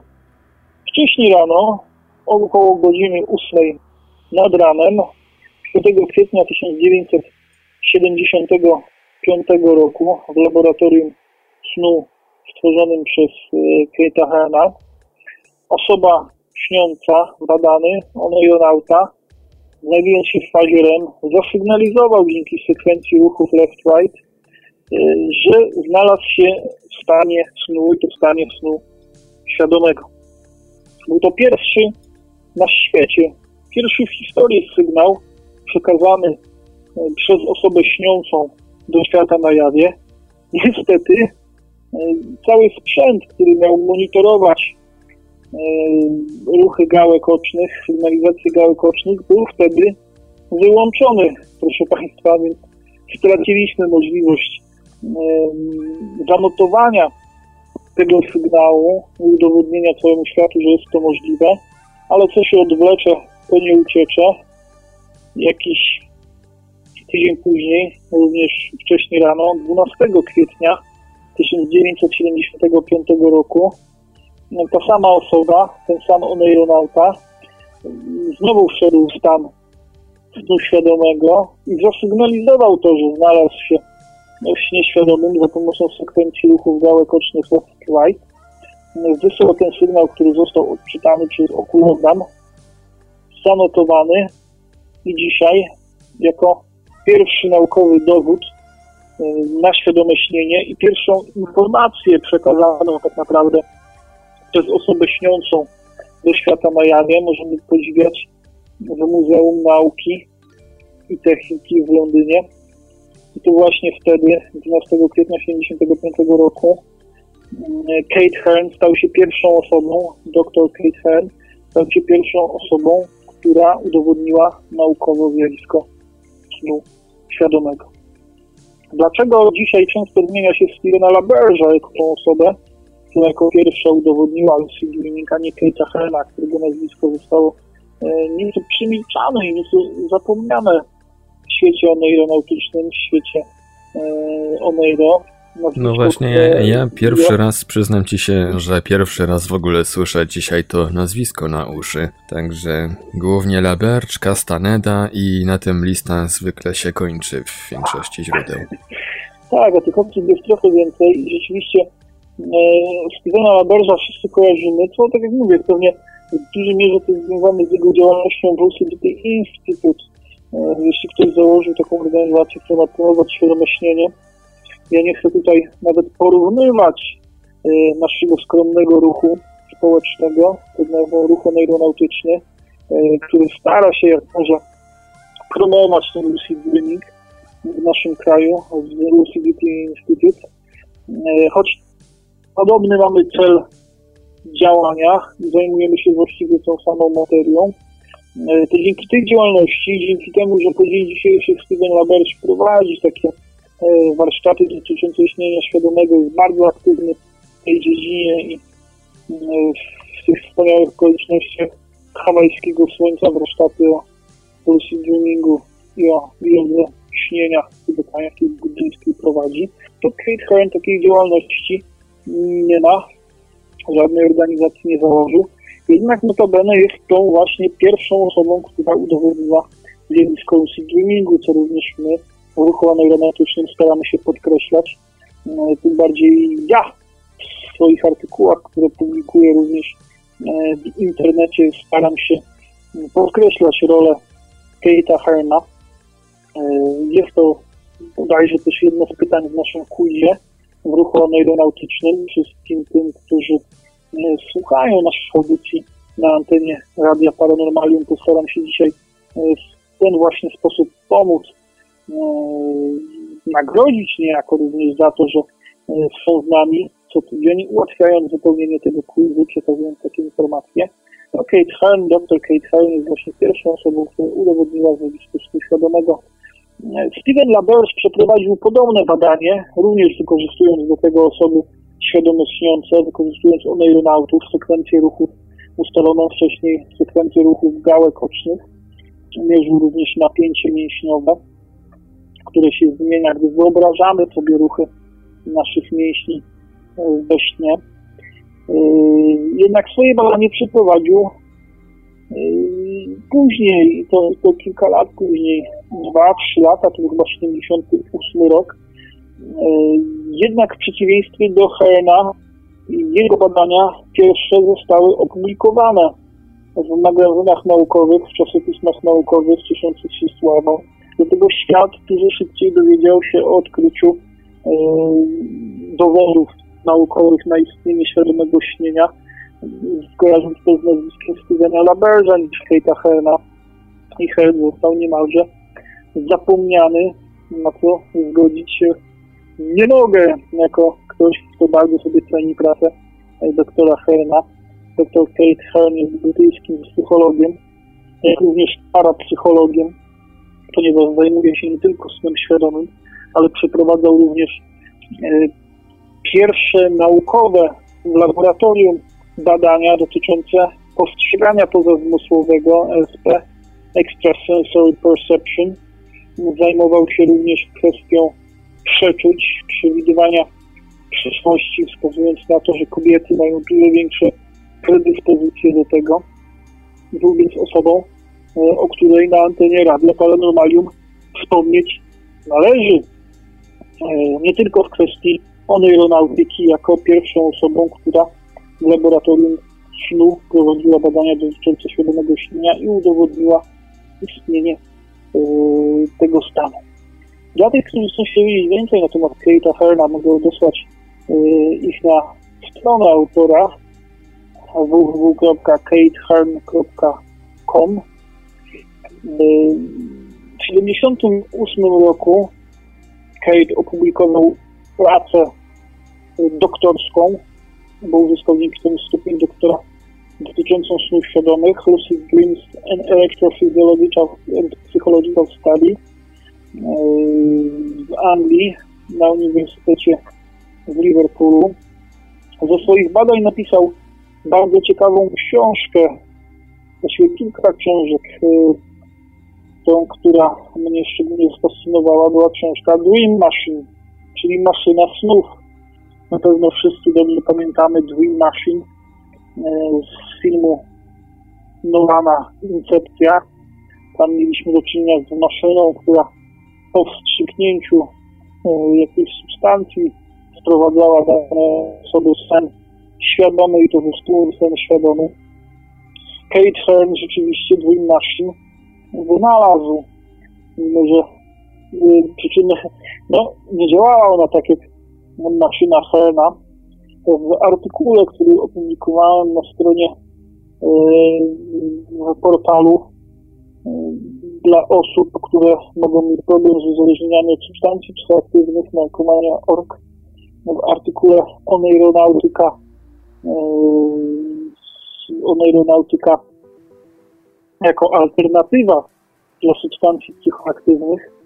Zwracałem uwagę na dokonania Herna i opublikowałem tam również zdjęcie Kate'a Herna trzymającego w dłoni swoją maszynę snów, którą Hern zresztą e, opatentował. To urządzenie wynalezione przez Herna nie tylko y, miało możliwość monitorowania snu, ale pozwalało również wyrywać kogoś y, z koszmaru sennego, który jak wiadomo nie jest zbyt przyjemny do tego, y, żeby go przeżywać. Byłoby to wręcz idealne narzędzie, myślę, dla głównych bohaterów kultowych swego czasu filmów grozy z Freddym Krugerem, tak? Te osoby, młode najczęściej, e, próbowały różnych sposobów na to, żeby w momencie, kiedy przeżywają koszmar e, z seryjnym zabójcą Freddy, żeby się obudzić, namawiały swoich znajomych do tego, żeby czuwali, gdy będą e, przeżywać koszmar senny, żeby ich obudzili. Kiedy posiadali taką maszynę wynalezioną przez Kate'a Herla, nie miałyby z tym żadnego problemu. Można powiedzieć, że Kate znalazł sposób na przechytrzenie Freddy'ego Krugera, prawda? Y, maszyna to mianowicie notowała y, wysoki poziom y, stresu, hormonów stresu, jak również wzrost przewodnictwa mięśniowego, żeby stwierdzić, iż ktoś doświadcza koszmaru sennego. Jeśli ktoś jest zainteresowany, jak ta maszyna Kate'a Herna wygląda, to odsyłam do artykułu. Podam oczywiście e, link Markowi Frankowi i Woliosowi do umieszczenia pod dzisiejszą audycją. E, można będzie poczytać na temat tego. Był to jeden z pierwszych zresztą artykułów, e, który opublikowaliśmy w ramach naszej akcji Świadomy Sen alternatywą dla dla narkotyków i zwracałem tam uwagę m.in. na dokonania Kejtasena i na Dream Machine, którą wynalazł. Książkę Kejtasena, która powstała na bazie jego pracy doktorskiej, na bazie jego dokonań z lat 70., która opisuje również w jaki sposób udowodnił on istnienie świadomego snu, można znaleźć niestety znowu w wersji anglojęzycznej na naszym oneironautycznym chomiku po wejściu na chomiku.pl i wpisaniu Oneiro Society.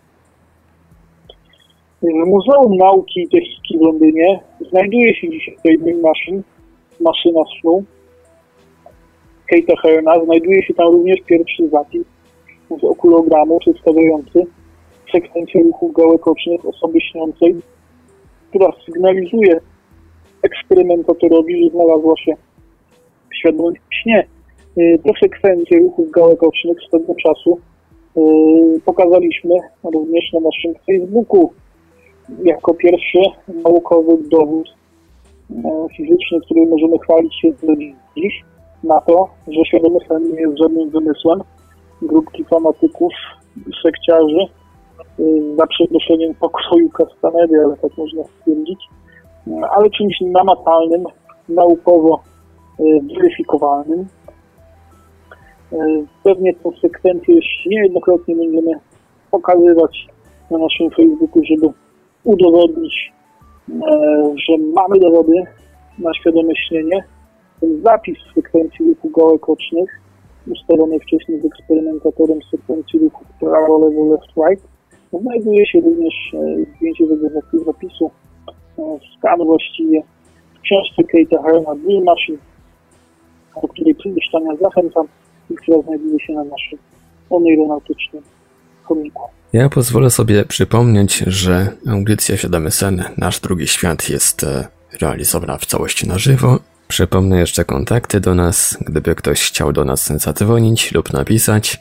Nasz numer telefonu to 32 746 0008 32 746 0008 skype radio.paranormalium.pl Można również do nas pisać na naszym radiowym gadu-gadu pod numerem 36 08 80 02 36 08 80 02. Jesteśmy także na czacie Radia Paranormalium na www.paranormalium.pl, a także na kontach Radia Paranormalium i Neuronautów na Facebooku. Właściwie mamy jeszcze całą masę osobistości, różnego rodzaju nazwisk, które przewijają się w neuronautycznym y, świecie, poczynając chociażby od, oczywiście ja mówię teraz o y, takich osobach znanych w kręgach międzynarodowych, możemy zaś wspominać również o osobach, y, które dobrze znamy tutaj z naszego krajowego świadka związanego z neuronautyką. Oczywiście w takim przypadku nie moglibyśmy pominąć nazwiska Adama Bytofa, honorowego członka ruchu neuronautycznego, Adama Bytofa, którego gościliśmy swego czasu na antenie Radia Paranormalium, również w naszej audycji Nasz Drugi Świat. Osoby znane zaś na świecie, można do nich spokojnie zaliczyć Keneta Kreutzera, znanego chociażby z techniki, o której dzisiaj mówiłem, z techniki, którą, o której pierwszy raz Don Juan Matus, szaman plemienia Jakui, opowiedział Carlosowi Castanedzie, a którą nazywamy również techniką Kreutzera ze względu na to, iż Kenneth Kreutzer w swojej książce opisał w sposób bardzo szczegółowy wykorzystanie tej techniki. Zresztą sam ją również wykorzystywał, wprowadzając się w stan świadomego śnienia, dzięki której osiągnął on ten lucid dreaming już po dwóch tygodniach od jej stosowania. Kenneth Kelter, który jest psychologiem, psychoterapeutą ze Stanów Zjednoczonych, ukończył studia wyższe na Uniwersytecie Kalifornijskim w Berkeley, studiował tam psychoterapię gestalt, hipnoterapię Eriksona, psychoterapię jungowską. Obecnie w Malvern County Kalifornii prowadzi swoją własną praktykę psychoterapeutyczną. Napisał książkę, którą również y, mam tutaj na, swoją, na swojej półce z przepiękną niebieską okładką. Y, Słońce i cień, książkę, którą mogę spokojnie polecić każdemu aeronaucie. Kenneth Kelcer y, odegrał ważną rolę o aeronautyce. Polskie wydanie tej książki z 90 bodajże trzeciego roku z przemową Adama Bytofa. To była nie, jedna z pierwszych publikacji y, tutaj w Polsce dotyczących aeronautyki, jakie zostały wydane. Jak dobrze pamiętamy, z, y, z, z, z wizyty Adama Bytofa, który gościnnie gościł nam tutaj na antenie Radia Paranormalium i opowiadał o snach świadomych. Aeronautyka była tematem swego czasu w Polsce nieznanym w żaden sposób. Adam Bycow musiał sprowadzać literaturę z zagranicy, żeby móc szerzyć informacje na temat świadomego śnienia. I właśnie książka Keneta Krotera, Świadomy, przepraszam, Słońce i Cień, mój eksperyment ze świadomym śnieniem była jedną z pierwszych pozycji w języku polskim wydanej wykonał przez wydawnictwo Ureus chyba tutaj w Polsce. I to książką wyśmienitą, książką, którą spokojnie możemy karmić się do dziś, która składa się z takich dwóch głównych części. Pierwsza to opis eksperymentu właśnie Keneta Kreutzera, psychoterapeuty, który sam poddał się badaniu i poddał się eksperymentowi, wykorzystując m.in. technikę Don Juana Matusta, możemy ją nazwać techniką Castanedy, jak dziś mówiłem, którą szerzej opisał, opracował i pokazał swoim czytelnikom w książce Słońce i Cień, do tego, żeby wprowadzać się w stan świadomego śnienia, dzięki czemu po dwóch tygodniach udało mu się osiągnąć pierwszy sen świadomy, a później osiągał je wielokrotnie. Swoim snom nadawał tytuły, do czego ja również zachęcam, proszę Państwa, co ułatwia ich zapamiętywanie, bo pamięć snów jest bardzo ważna. Jeśli prowadzimy dziennik snów, to tytułujmy również nasze sny, wziąwszy pod uwagę chociażby elementy, które są w przypadku tych snów najbardziej znaczące, elementy, które się powtarzają. Kenneth Kelcer opisuje więc swoje sny świadome w książce Słońce i Cień, jak również stara się w jakiś sposób analizować, opowiada o tym, w jaki sposób świadome śnienie wpłynęło również na jego życie na jawie. Kenneth Helzer jako psychoterapeuta ze Stanów Zjednoczonych gorąco wierzy w to, y, że świadome sny mogą mieć zastosowanie terapeutyczne. Organizował on zresztą y, w ramach nauki, którą prowadził z racji tego, że jest również wykładowcą akademickim, nauki, którą prowadził razem ze studentami, prowadził z nimi warsztaty fakultatywne na których między innymi e, dyskutowali i eksperymentowali ze swoimi snami. E, sen świadomy, sen, który był snem o treści erotycznej, który przekazała studentka Kenetowi Kreuzerowi, jest dzisiaj jednym z najczęściej powtarzanych w innych publikacjach mojej w książce Adama Bytowa dotyczącej znaczenia świadomych snów dla naszej erotyki, dla naszego życia seksualnego. No, był to sen, który studentka opisywała jako niezwykle, że zacytuję, proszę się nie śmiać, orgazmiczny. Z racji tego, iż w tym śnie lewitując studentka napotkała wielkiego, ogromnego penisa. penisa A więc mamy wątek walentynkowy wątek walentynkowy oczywiście, bo takie wątki muszą się pojawiać w audycji e, Świadomy Sen, nasz drugi świat w ramach y, tradycji. Andrzej i nasz, e, ten wątek w naszych audycjach to tradycja, a i walentynki to tradycja, to trudno o tym nie wspomnieć. Napotkała ona więc lewitując ogromnego penisa, można powiedzieć nawet, że większego od niej, pozbawionego jakichkolwiek innych członków, zupełnie oderwanego od jakiejś cielesnej powłoki. Ten penis wyniknął następnie w tę studentkę, która stwierdziła, że przeżyła wtedy e, największy najbardziej przejmujący, obezwładniający i przyjemny orgazm swojego życia. Jeśli kogoś z Państwa jeszcze nie zachęciłem do praktykowania świadomego śnienia od aeronautyki, to już naprawdę nie wiem, co mógłbym więcej dodać i co mógłbym więcej powiedzieć. E, w każdym razie ten opis tego erotycznego snu świadomego znajdującego się w książce Keneta Krocera Słońce i Cień e, jest dziś najczęściej powielanym snem erotycznym, świadomym, również w książkach Roa Butofa. Kenneth Kelcer jest również osobą głęboko wierzącą, dlatego jego sny są często przepełnione swego rodzaju mistyką. Daleko nie wprawdzie do New Age'owskich publikacji kilkunastu e, Carlosa Castanedy. Natomiast książki Keneta Kelcera są książki, opisy snów świadomych Keneta Kelcera są w dużej części przesiąknięte taką symboliką chrześcijańską. E, w swoich snach świadomych często napotykał on właśnie tego typu symbole.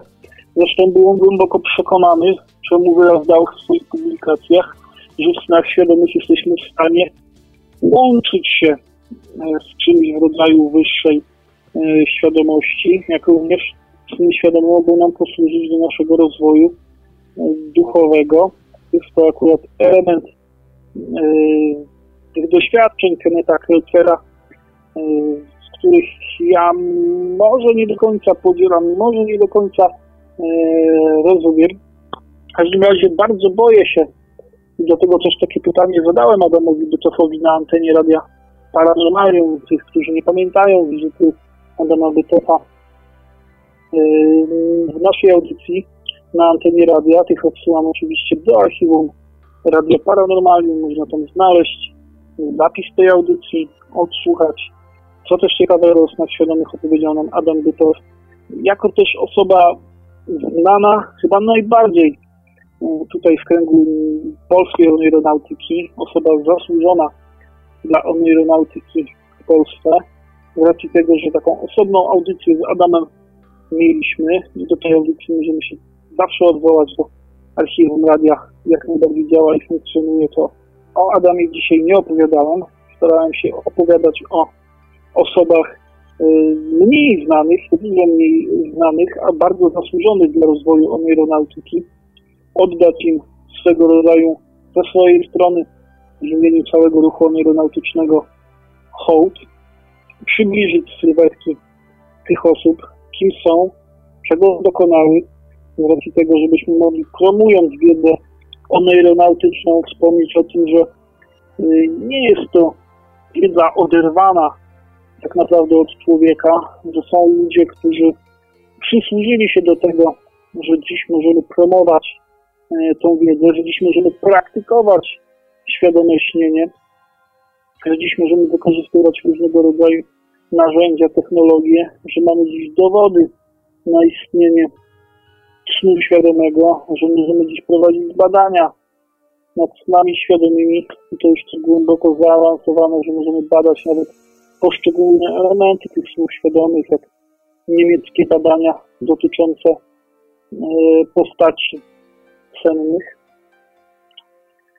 Druga część książki Keneta Krelcera, Słońce i Cień, bo wspomniałem już o pierwszej, tej dotyczącej opisów eksperymentu Keneta Krelcera, z którym się innymi, że w praktykowaniu oneironautyki występują naturalne zloty i naturalne upadki, proszę Państwa. Często możemy się spotkać z takim zrozpaczonym niemalże komentarzem oneironautów, którzy piszą, że niedawno mieli kilka, jeśli nie kilkanaście snów świadomych w ciągu miesiąca, a nagle zero posłucha, nic się nie pojawia, nie są w stanie osiągnąć świadomości we śnie. Kenneth Kelcer przechodził dokładnie to samo. Wszystkich więc zaniepokojonych, zaniepokojonych tym spadkiem oneironautycznej formy, spadkiem ilości tych snów świadomych, przerażonych e, ludzi, którzy nie wiedzą, co się dzieje, tym bardziej mogą odesłać do tego człowieka, Kenneta Kelcera i do jego myśli, które przekazał nam za pomocą swojej książki Słońce i Cień. Książkę Słońce i Cień Kenneta Keltera również znajdziecie na naszym aeronautycznym chomiku, na chomiku.pl po podpisaniu Oneiro Society e, nazwy naszego chomika. Kenneth Kelter twierdzi, że jest to jak najzupełniej naturalne, że wykres dotyczący częstotliwości snów świadomych e, przypomina sinusoidę. Jest więc zgodny z takim e, wykresem dotyczącym zjawisk, e, które pojawiają się w przyrodzie niemalże cyklicznie. I tak również cyklicznie miałoby wyglądać nasze doświadczenia aeronautyczne. Na początku duży wzrost pojawiania się snów świadomych aż po ich apogeum, a później swego rodzaju posłucha, kiedy sny świadome się nie pojawiają, a następnie z powrotem duża ich liczba. E, nie wiem, nie zastanawiałem się, nie spotkałem się, z czego może wynikać taka cykliczność pojawiania się słów świadomych. Natomiast e, nauczeni doświadczeniem Keneta Kelcera, mogąc odwoływać się również do jego doświadczeń i do jego eksperymentu, możemy być spokojni, a ja spokojnie mogę Państwa odesłać do tej książki Słońce i Cień, którą znajdziemy również na, na, na naszym oneironautycznym chomiku. Drodzy słuchacze, dzisiejsza audycja może być troszeczkę krótsza niż normalnie z uwagi na problemy z gardłem zarówno moje, jak i Mariusza. Ja podziwiam Mariusza, że tyle już e, nam tutaj opowiada i jeszcze ma siły, żeby opowiadać dalej, prawda? Yy, tak, zwłaszcza, że muszę Państwa przeprosić, ale w tym okresie takiego yy, przesilenia wiosna nam nadchodzi, ja już czuję w nozdrzach po prostu jak, jak, jak wychodzę, mimo że ostatnim yy, czasu możemy zauważyć, że że chłodno się robi, zima jeszcze coś tam walczy, ale w tym okresie właśnie takiego przesilenia i zmiany nastrojów to gardło mi zawsze doskwiera. Dzisiaj również ja, żeby się trochę podkurować, piję sobie herbatę z miodem i staram się z Państwem dzielić tym, tą wiedzą dotyczącą znanych osób, znanych osobistości, zasłużonych, może w ten sposób będzie lepiej, zasłużonych oneironautów, którzy przysłużyli się temu, że dziś możemy praktykować oneironautykę, że mamy tak ogromną wiedzę dotyczącą tego, jak wykorzystywać sny świadome, jak w te sny świadome wchodzić, że posiadamy dowody, którymi możemy się dzielić na to świadome śnienie. Coś mi się wydaje dzisiaj, proszę Państwa, że chyba wrzucę na, na, na naszego tutaj Facebooka oneironautycznego. Zapraszam na na facebook.com, na nasz profil Oneironauci. Ten zapis ruchu gałek ocznych historyczny z Muzeum w Londynie przedstawiający pierwszy kontakt, pierwszy zanotowany kontakt, bo tak jak mówię, pierwszy eksperyment, mimo że się powie, że to nie został zarejestrowany, bo pechowo nie włączono urządzeń, które miały notować ruchy gałek ocznych. Ale ten pierwszy odczyt chyba wrzucę na Facebooka, żeby przypomnieć Państwu, od jak dawna mamy dowody, jak dzięki Y, ciężkiej pracy, a i genialnemu pomysłowi jednego człowieka, jakim był dr Kate Hearn, y, możemy dzisiaj mówić i przedstawiać dowody na istnienie świadomego, świadomego śnienia. Niektórzy się trochę namijają, bo Kate Hearn jest rzeczywiście doktorem. Mówi się o nim, pisze w literaturze anglojęzycznej Doctor of Philosophy, tak? Niektórzy uważają, że jest doktorem. To jest chyba, to jest chyba e, ichniejszy odpowiednik naszego tytułu naukowego doktora, Philosophy Doctor, z tego co kojarzę. Tak, dokładnie. E, bardziej w takim rozumieniu e, pierwotnym e, greckim, gdzie, gdzie oznaczał po prostu pewien e, zbiór pewnych tam nauk, nie, nie konkretnie z tej jednej dziedziny, jaką jest filozofia. Ale z czymś takim się spotkałem, ktoś tam się nabijał, że rzeczywiście jak to jest kurde możliwe, że, że filozof prowadził tutaj badanie i udowodnił, że nie jest możliwe, to rzeczywiście musi być, musi być coś pokrętnego i tajemniczego, że filozof nam to udowadnia, ale nie.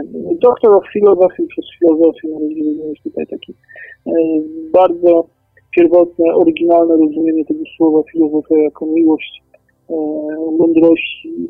Nie jest to odwołanie do, do, do, do, do filozofii jako dziedziny, tylko bardziej do tych liberal acts, czyli sztuk wyzwolonych, których doktorem jest właśnie Kate,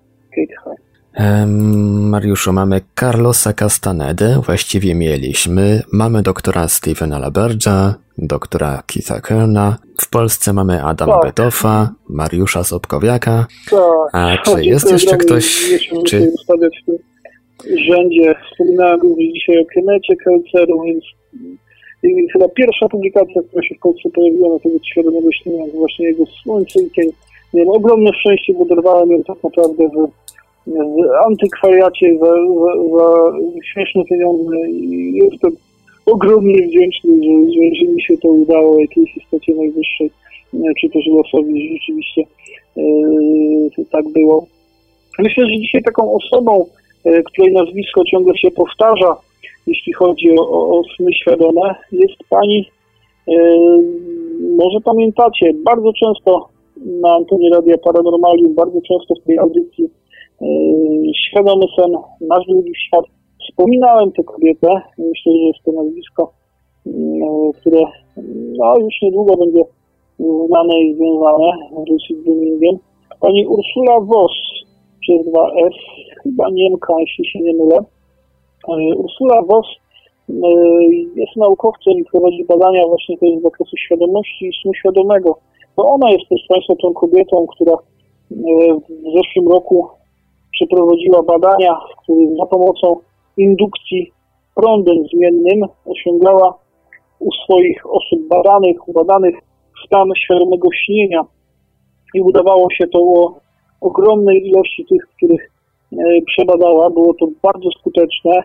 Ursula Voss pojawia się również jako osoba, która mówi o wykorzystaniu świadomego śnienia przy leczeniu PTSD, czyli zespołu stresu pourazowego u E, weteranów wojennych. W ogóle jeśli chodzi o świadome śnienie, wykorzystanie terapeutyczne świadomego śnienia, jak również o sposoby jego osiągania przy wykorzystaniu nowoczesnych narzędzi technicznych, takich jak e, indukcja prądem zmiennym do niskiej częstotliwości. E, to czego bym nie wpisał, to znajduję Ursulę Voss, proszę Państwa. E, więc Ursula Voss naprawdę wyrasta tutaj na taką E, autorkę bardzo wybitną i myślę, że specjalistkę również od lucid dreamingu i świadomego śnienia, e, zwłaszcza, że jedno z jej narzędzi, które zostało opracowane właśnie do jej badań, za pomocą których pokazała ona, w jaki sposób można osiągać świadomy przy wykorzystaniu indukcji innym. Opracowała do tego specjalne E, rubrykę pytań i odpowiedzi, ankietę, która miała umożliwiać określenie, czy ktoś ten stan snu świadomego osiągnął, czy też nie. Kwestionariusz e, świadomości, kwestionariusz, który mogą znaleźć Państwo również na naszej stronie. Przypominam nowy adres oneirosociety.pk. Myślimy już o zmianie e, domeny na jakiś bardziej ludzki adres pl czy też com, także jeśli tak się stanie, to E, poinformujemy na pewno też na antenie radia e, paranormalium. W każdym razie taką ankietę, która umożliwia przez odpowiedź na kilka pytań określenie tego, czy osiągnęliśmy stan snu świadomego i jakiego rodzaju był to sen świadomy z kontrolą, czy też bez, e, możemy znaleźć na naszej stronie onersociety.tk i ta ankieta została również przygotowana przez zespół badawczy Ursuli więc jeśli Mówimy o takich badaczach, naukowcach e, ze świata, którzy ogromną rolę odgrywają e, w badaniu lucid dreamingu śnienia świadomego, to myślę, że też Ursuli Voss nie możemy e, tutaj przeoczyć. Tak jak mówiliśmy, zbliżamy się powolutku do końca naszej audycji. Może Mariusz chciałby jeszcze podsumować jakoś krótko dzisiejszy odcinek? Proszę Państwa, kiedy ćwiczymy praktykujemy neuronautykę, jak również kiedy promujemy sen świadomy i opowiadamy różnym ludziom o świadomych snach, kiedy działamy w różnego rodzaju organizacjach, takich jak ruch aeronautyczny, kiedy udzielamy się na forach dzielimy się swoją wiedzą, zdobywamy wiedzę. Można powiedzieć bez cienia wątpliwości, że stajemy na barkach olbrzymów. Na barkach olbrzymów, ludzi, którzy stawiali pierwsze kroki w danej dziedzinie. Ludzi, którzy tworzyli te techniki osiągania snu świadomego, które my dziś wykorzystujemy. Ludzi, którzy udowodniali, udowadniają po dzień dzisiejszy, że świadome śnienie jest możliwe. Ludzi, którzy badają neuronautów, żeby zrozumieć, jak to działa, jak to jest z postaciami sennymi, żeby zrozumieć, jak funkcjonuje nasz mózg podczas snu świadomego, żeby dowiedzieć się, czy każdy z nas może praktykować świadome śnienie. Ludzi, którzy tworzą narzędzia, które mają nam ułatwiać osiąganie tego stanu, jak maska, nowa Dreamer, czy Dreamer Pro. Stajemy na barkach olbrzymów, stajemy na barkach tych ludzi. I myślę, że nie należy o nich zapominać. Myślę, że trzeba o nich pamiętać. E, dzisiejsza audycja jest hołder, jaki oddajemy tym ludziom, jaki oddajemy Carlosowi Castanedzie, pamiętając również o ciemnych stronach jego działalności, Stevenowi Laberge'owi, jaki oddajemy doktorowi Kate'owi Hernowi, pamiętając o tym, że to on wymyślił prawdziwą Dream Machine, pamiętając o tym, że to on był pierwszą osobą, która udowodniła za pomocą sekwencji ruchów gałek ocznych, że świadome śnienie jest możliwe. Chodem, jaki oddajemy Kennethowi Kreuzerowi, psychoterapeucie, który na samym sobie praktykował świadome śnienie, choć nie było mu łatwo, jak możemy się dowiedzieć z jego książki Słońce i Cień. E, niejednokrotnie jego żona czy jego syn e, byli oczywiście wsparciem, ale również utrudnieniem jego neuronautycznej praktyce. A więc człowiekowi, który e, jako pierwszy, którego książka jako pierwsza znalazła się na polskim rynku i pierwszy, była pierwsza polskojęzyczna publikacja dotycząca świadomego śnienia, a więc umożliwił też promowanie neuronautyki w naszym kraju. Oddajemy również, bijemy tutaj czoło nisko przed Adamem Betosem, człowiekiem, który wprowadził neuronautykę pod polskie strzechy. Przed Ursulą Voss, która prowadzi ła i prowadzi badania nad świadomym śnieniem. Być może, jeśli uda się wykorzystać, być może uda się kiedyś wykorzystać doświadczenia ku temu, żeby każdy z nas, i to właściwie bez wielkiego wysiłku, sposób świadomego osiągnąć. Oddajemy wielki hołd badaczce, o której mówiłem tydzień temu, a która prowadzi badania dotyczące tego, czy każdy z nas przez zmianę funkcjonalną i organiczną naszego mózgu może świadomego snu doświadczać. Ci wszyscy ludzie to olbrzymi, proszę Państwa. Stawiają pierwsze kroki. Za kilka lat będziemy mówić o tym, co oni udowadniali jako o oczywistościach. Pewnie dla wszystkich słuchaczy Radia Paranormalium e, świadomy sen jest oczywistością. E, te techniki MILT, WILT, o którym mówił dzisiaj Kuba Niedźwiedź, to rzeczy oczywiste, które można praktykować i można się dziwić, że ktoś ich nie rozumie. Ale byli ludzie, którzy je wymyślili, ludzie, którzy jako pierwsi weszli na ten zupełnie nieznany, nowy teren e, badań o tą ziemię nieznaną, którzy tworzyli mapę tak naprawdę tego nieznanego świata, którzy otworzyli nam drogę, otworzyli nam drzwi, bramę do świata naszych snów i pozwolili nam doświadczyć wszystkich niezwykłych rzeczy, które są związane z neuronautyką. Dzisiejszy odcinek naszej audycji, nasz drugi świat, świadomy dedykujemy tym właśnie ludziom. Olbrzymom.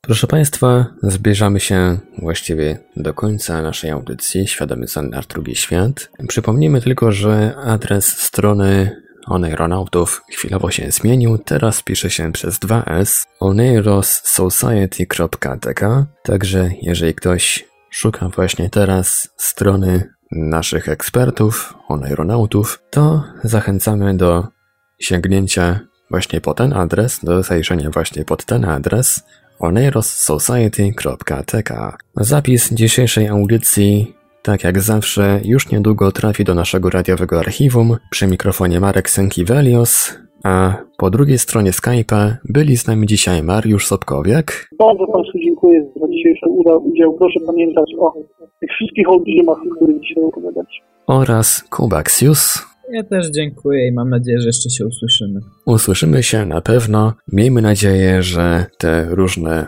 sesyjne przygody, sesyjno-zaliczeniowo różne inne edukacyjne przygody wszyscy oneironauci mają już za sobą i, i że za tydzień usłyszymy się w troszeczkę większym składzie. A na razie Radio Paranormalium życzy wszystkim słuchaczom pięknych, zdrowych, kolorowych, paranormalnych, pełnych magii i miłości, erotyki też, a przede wszystkim świadomych snów.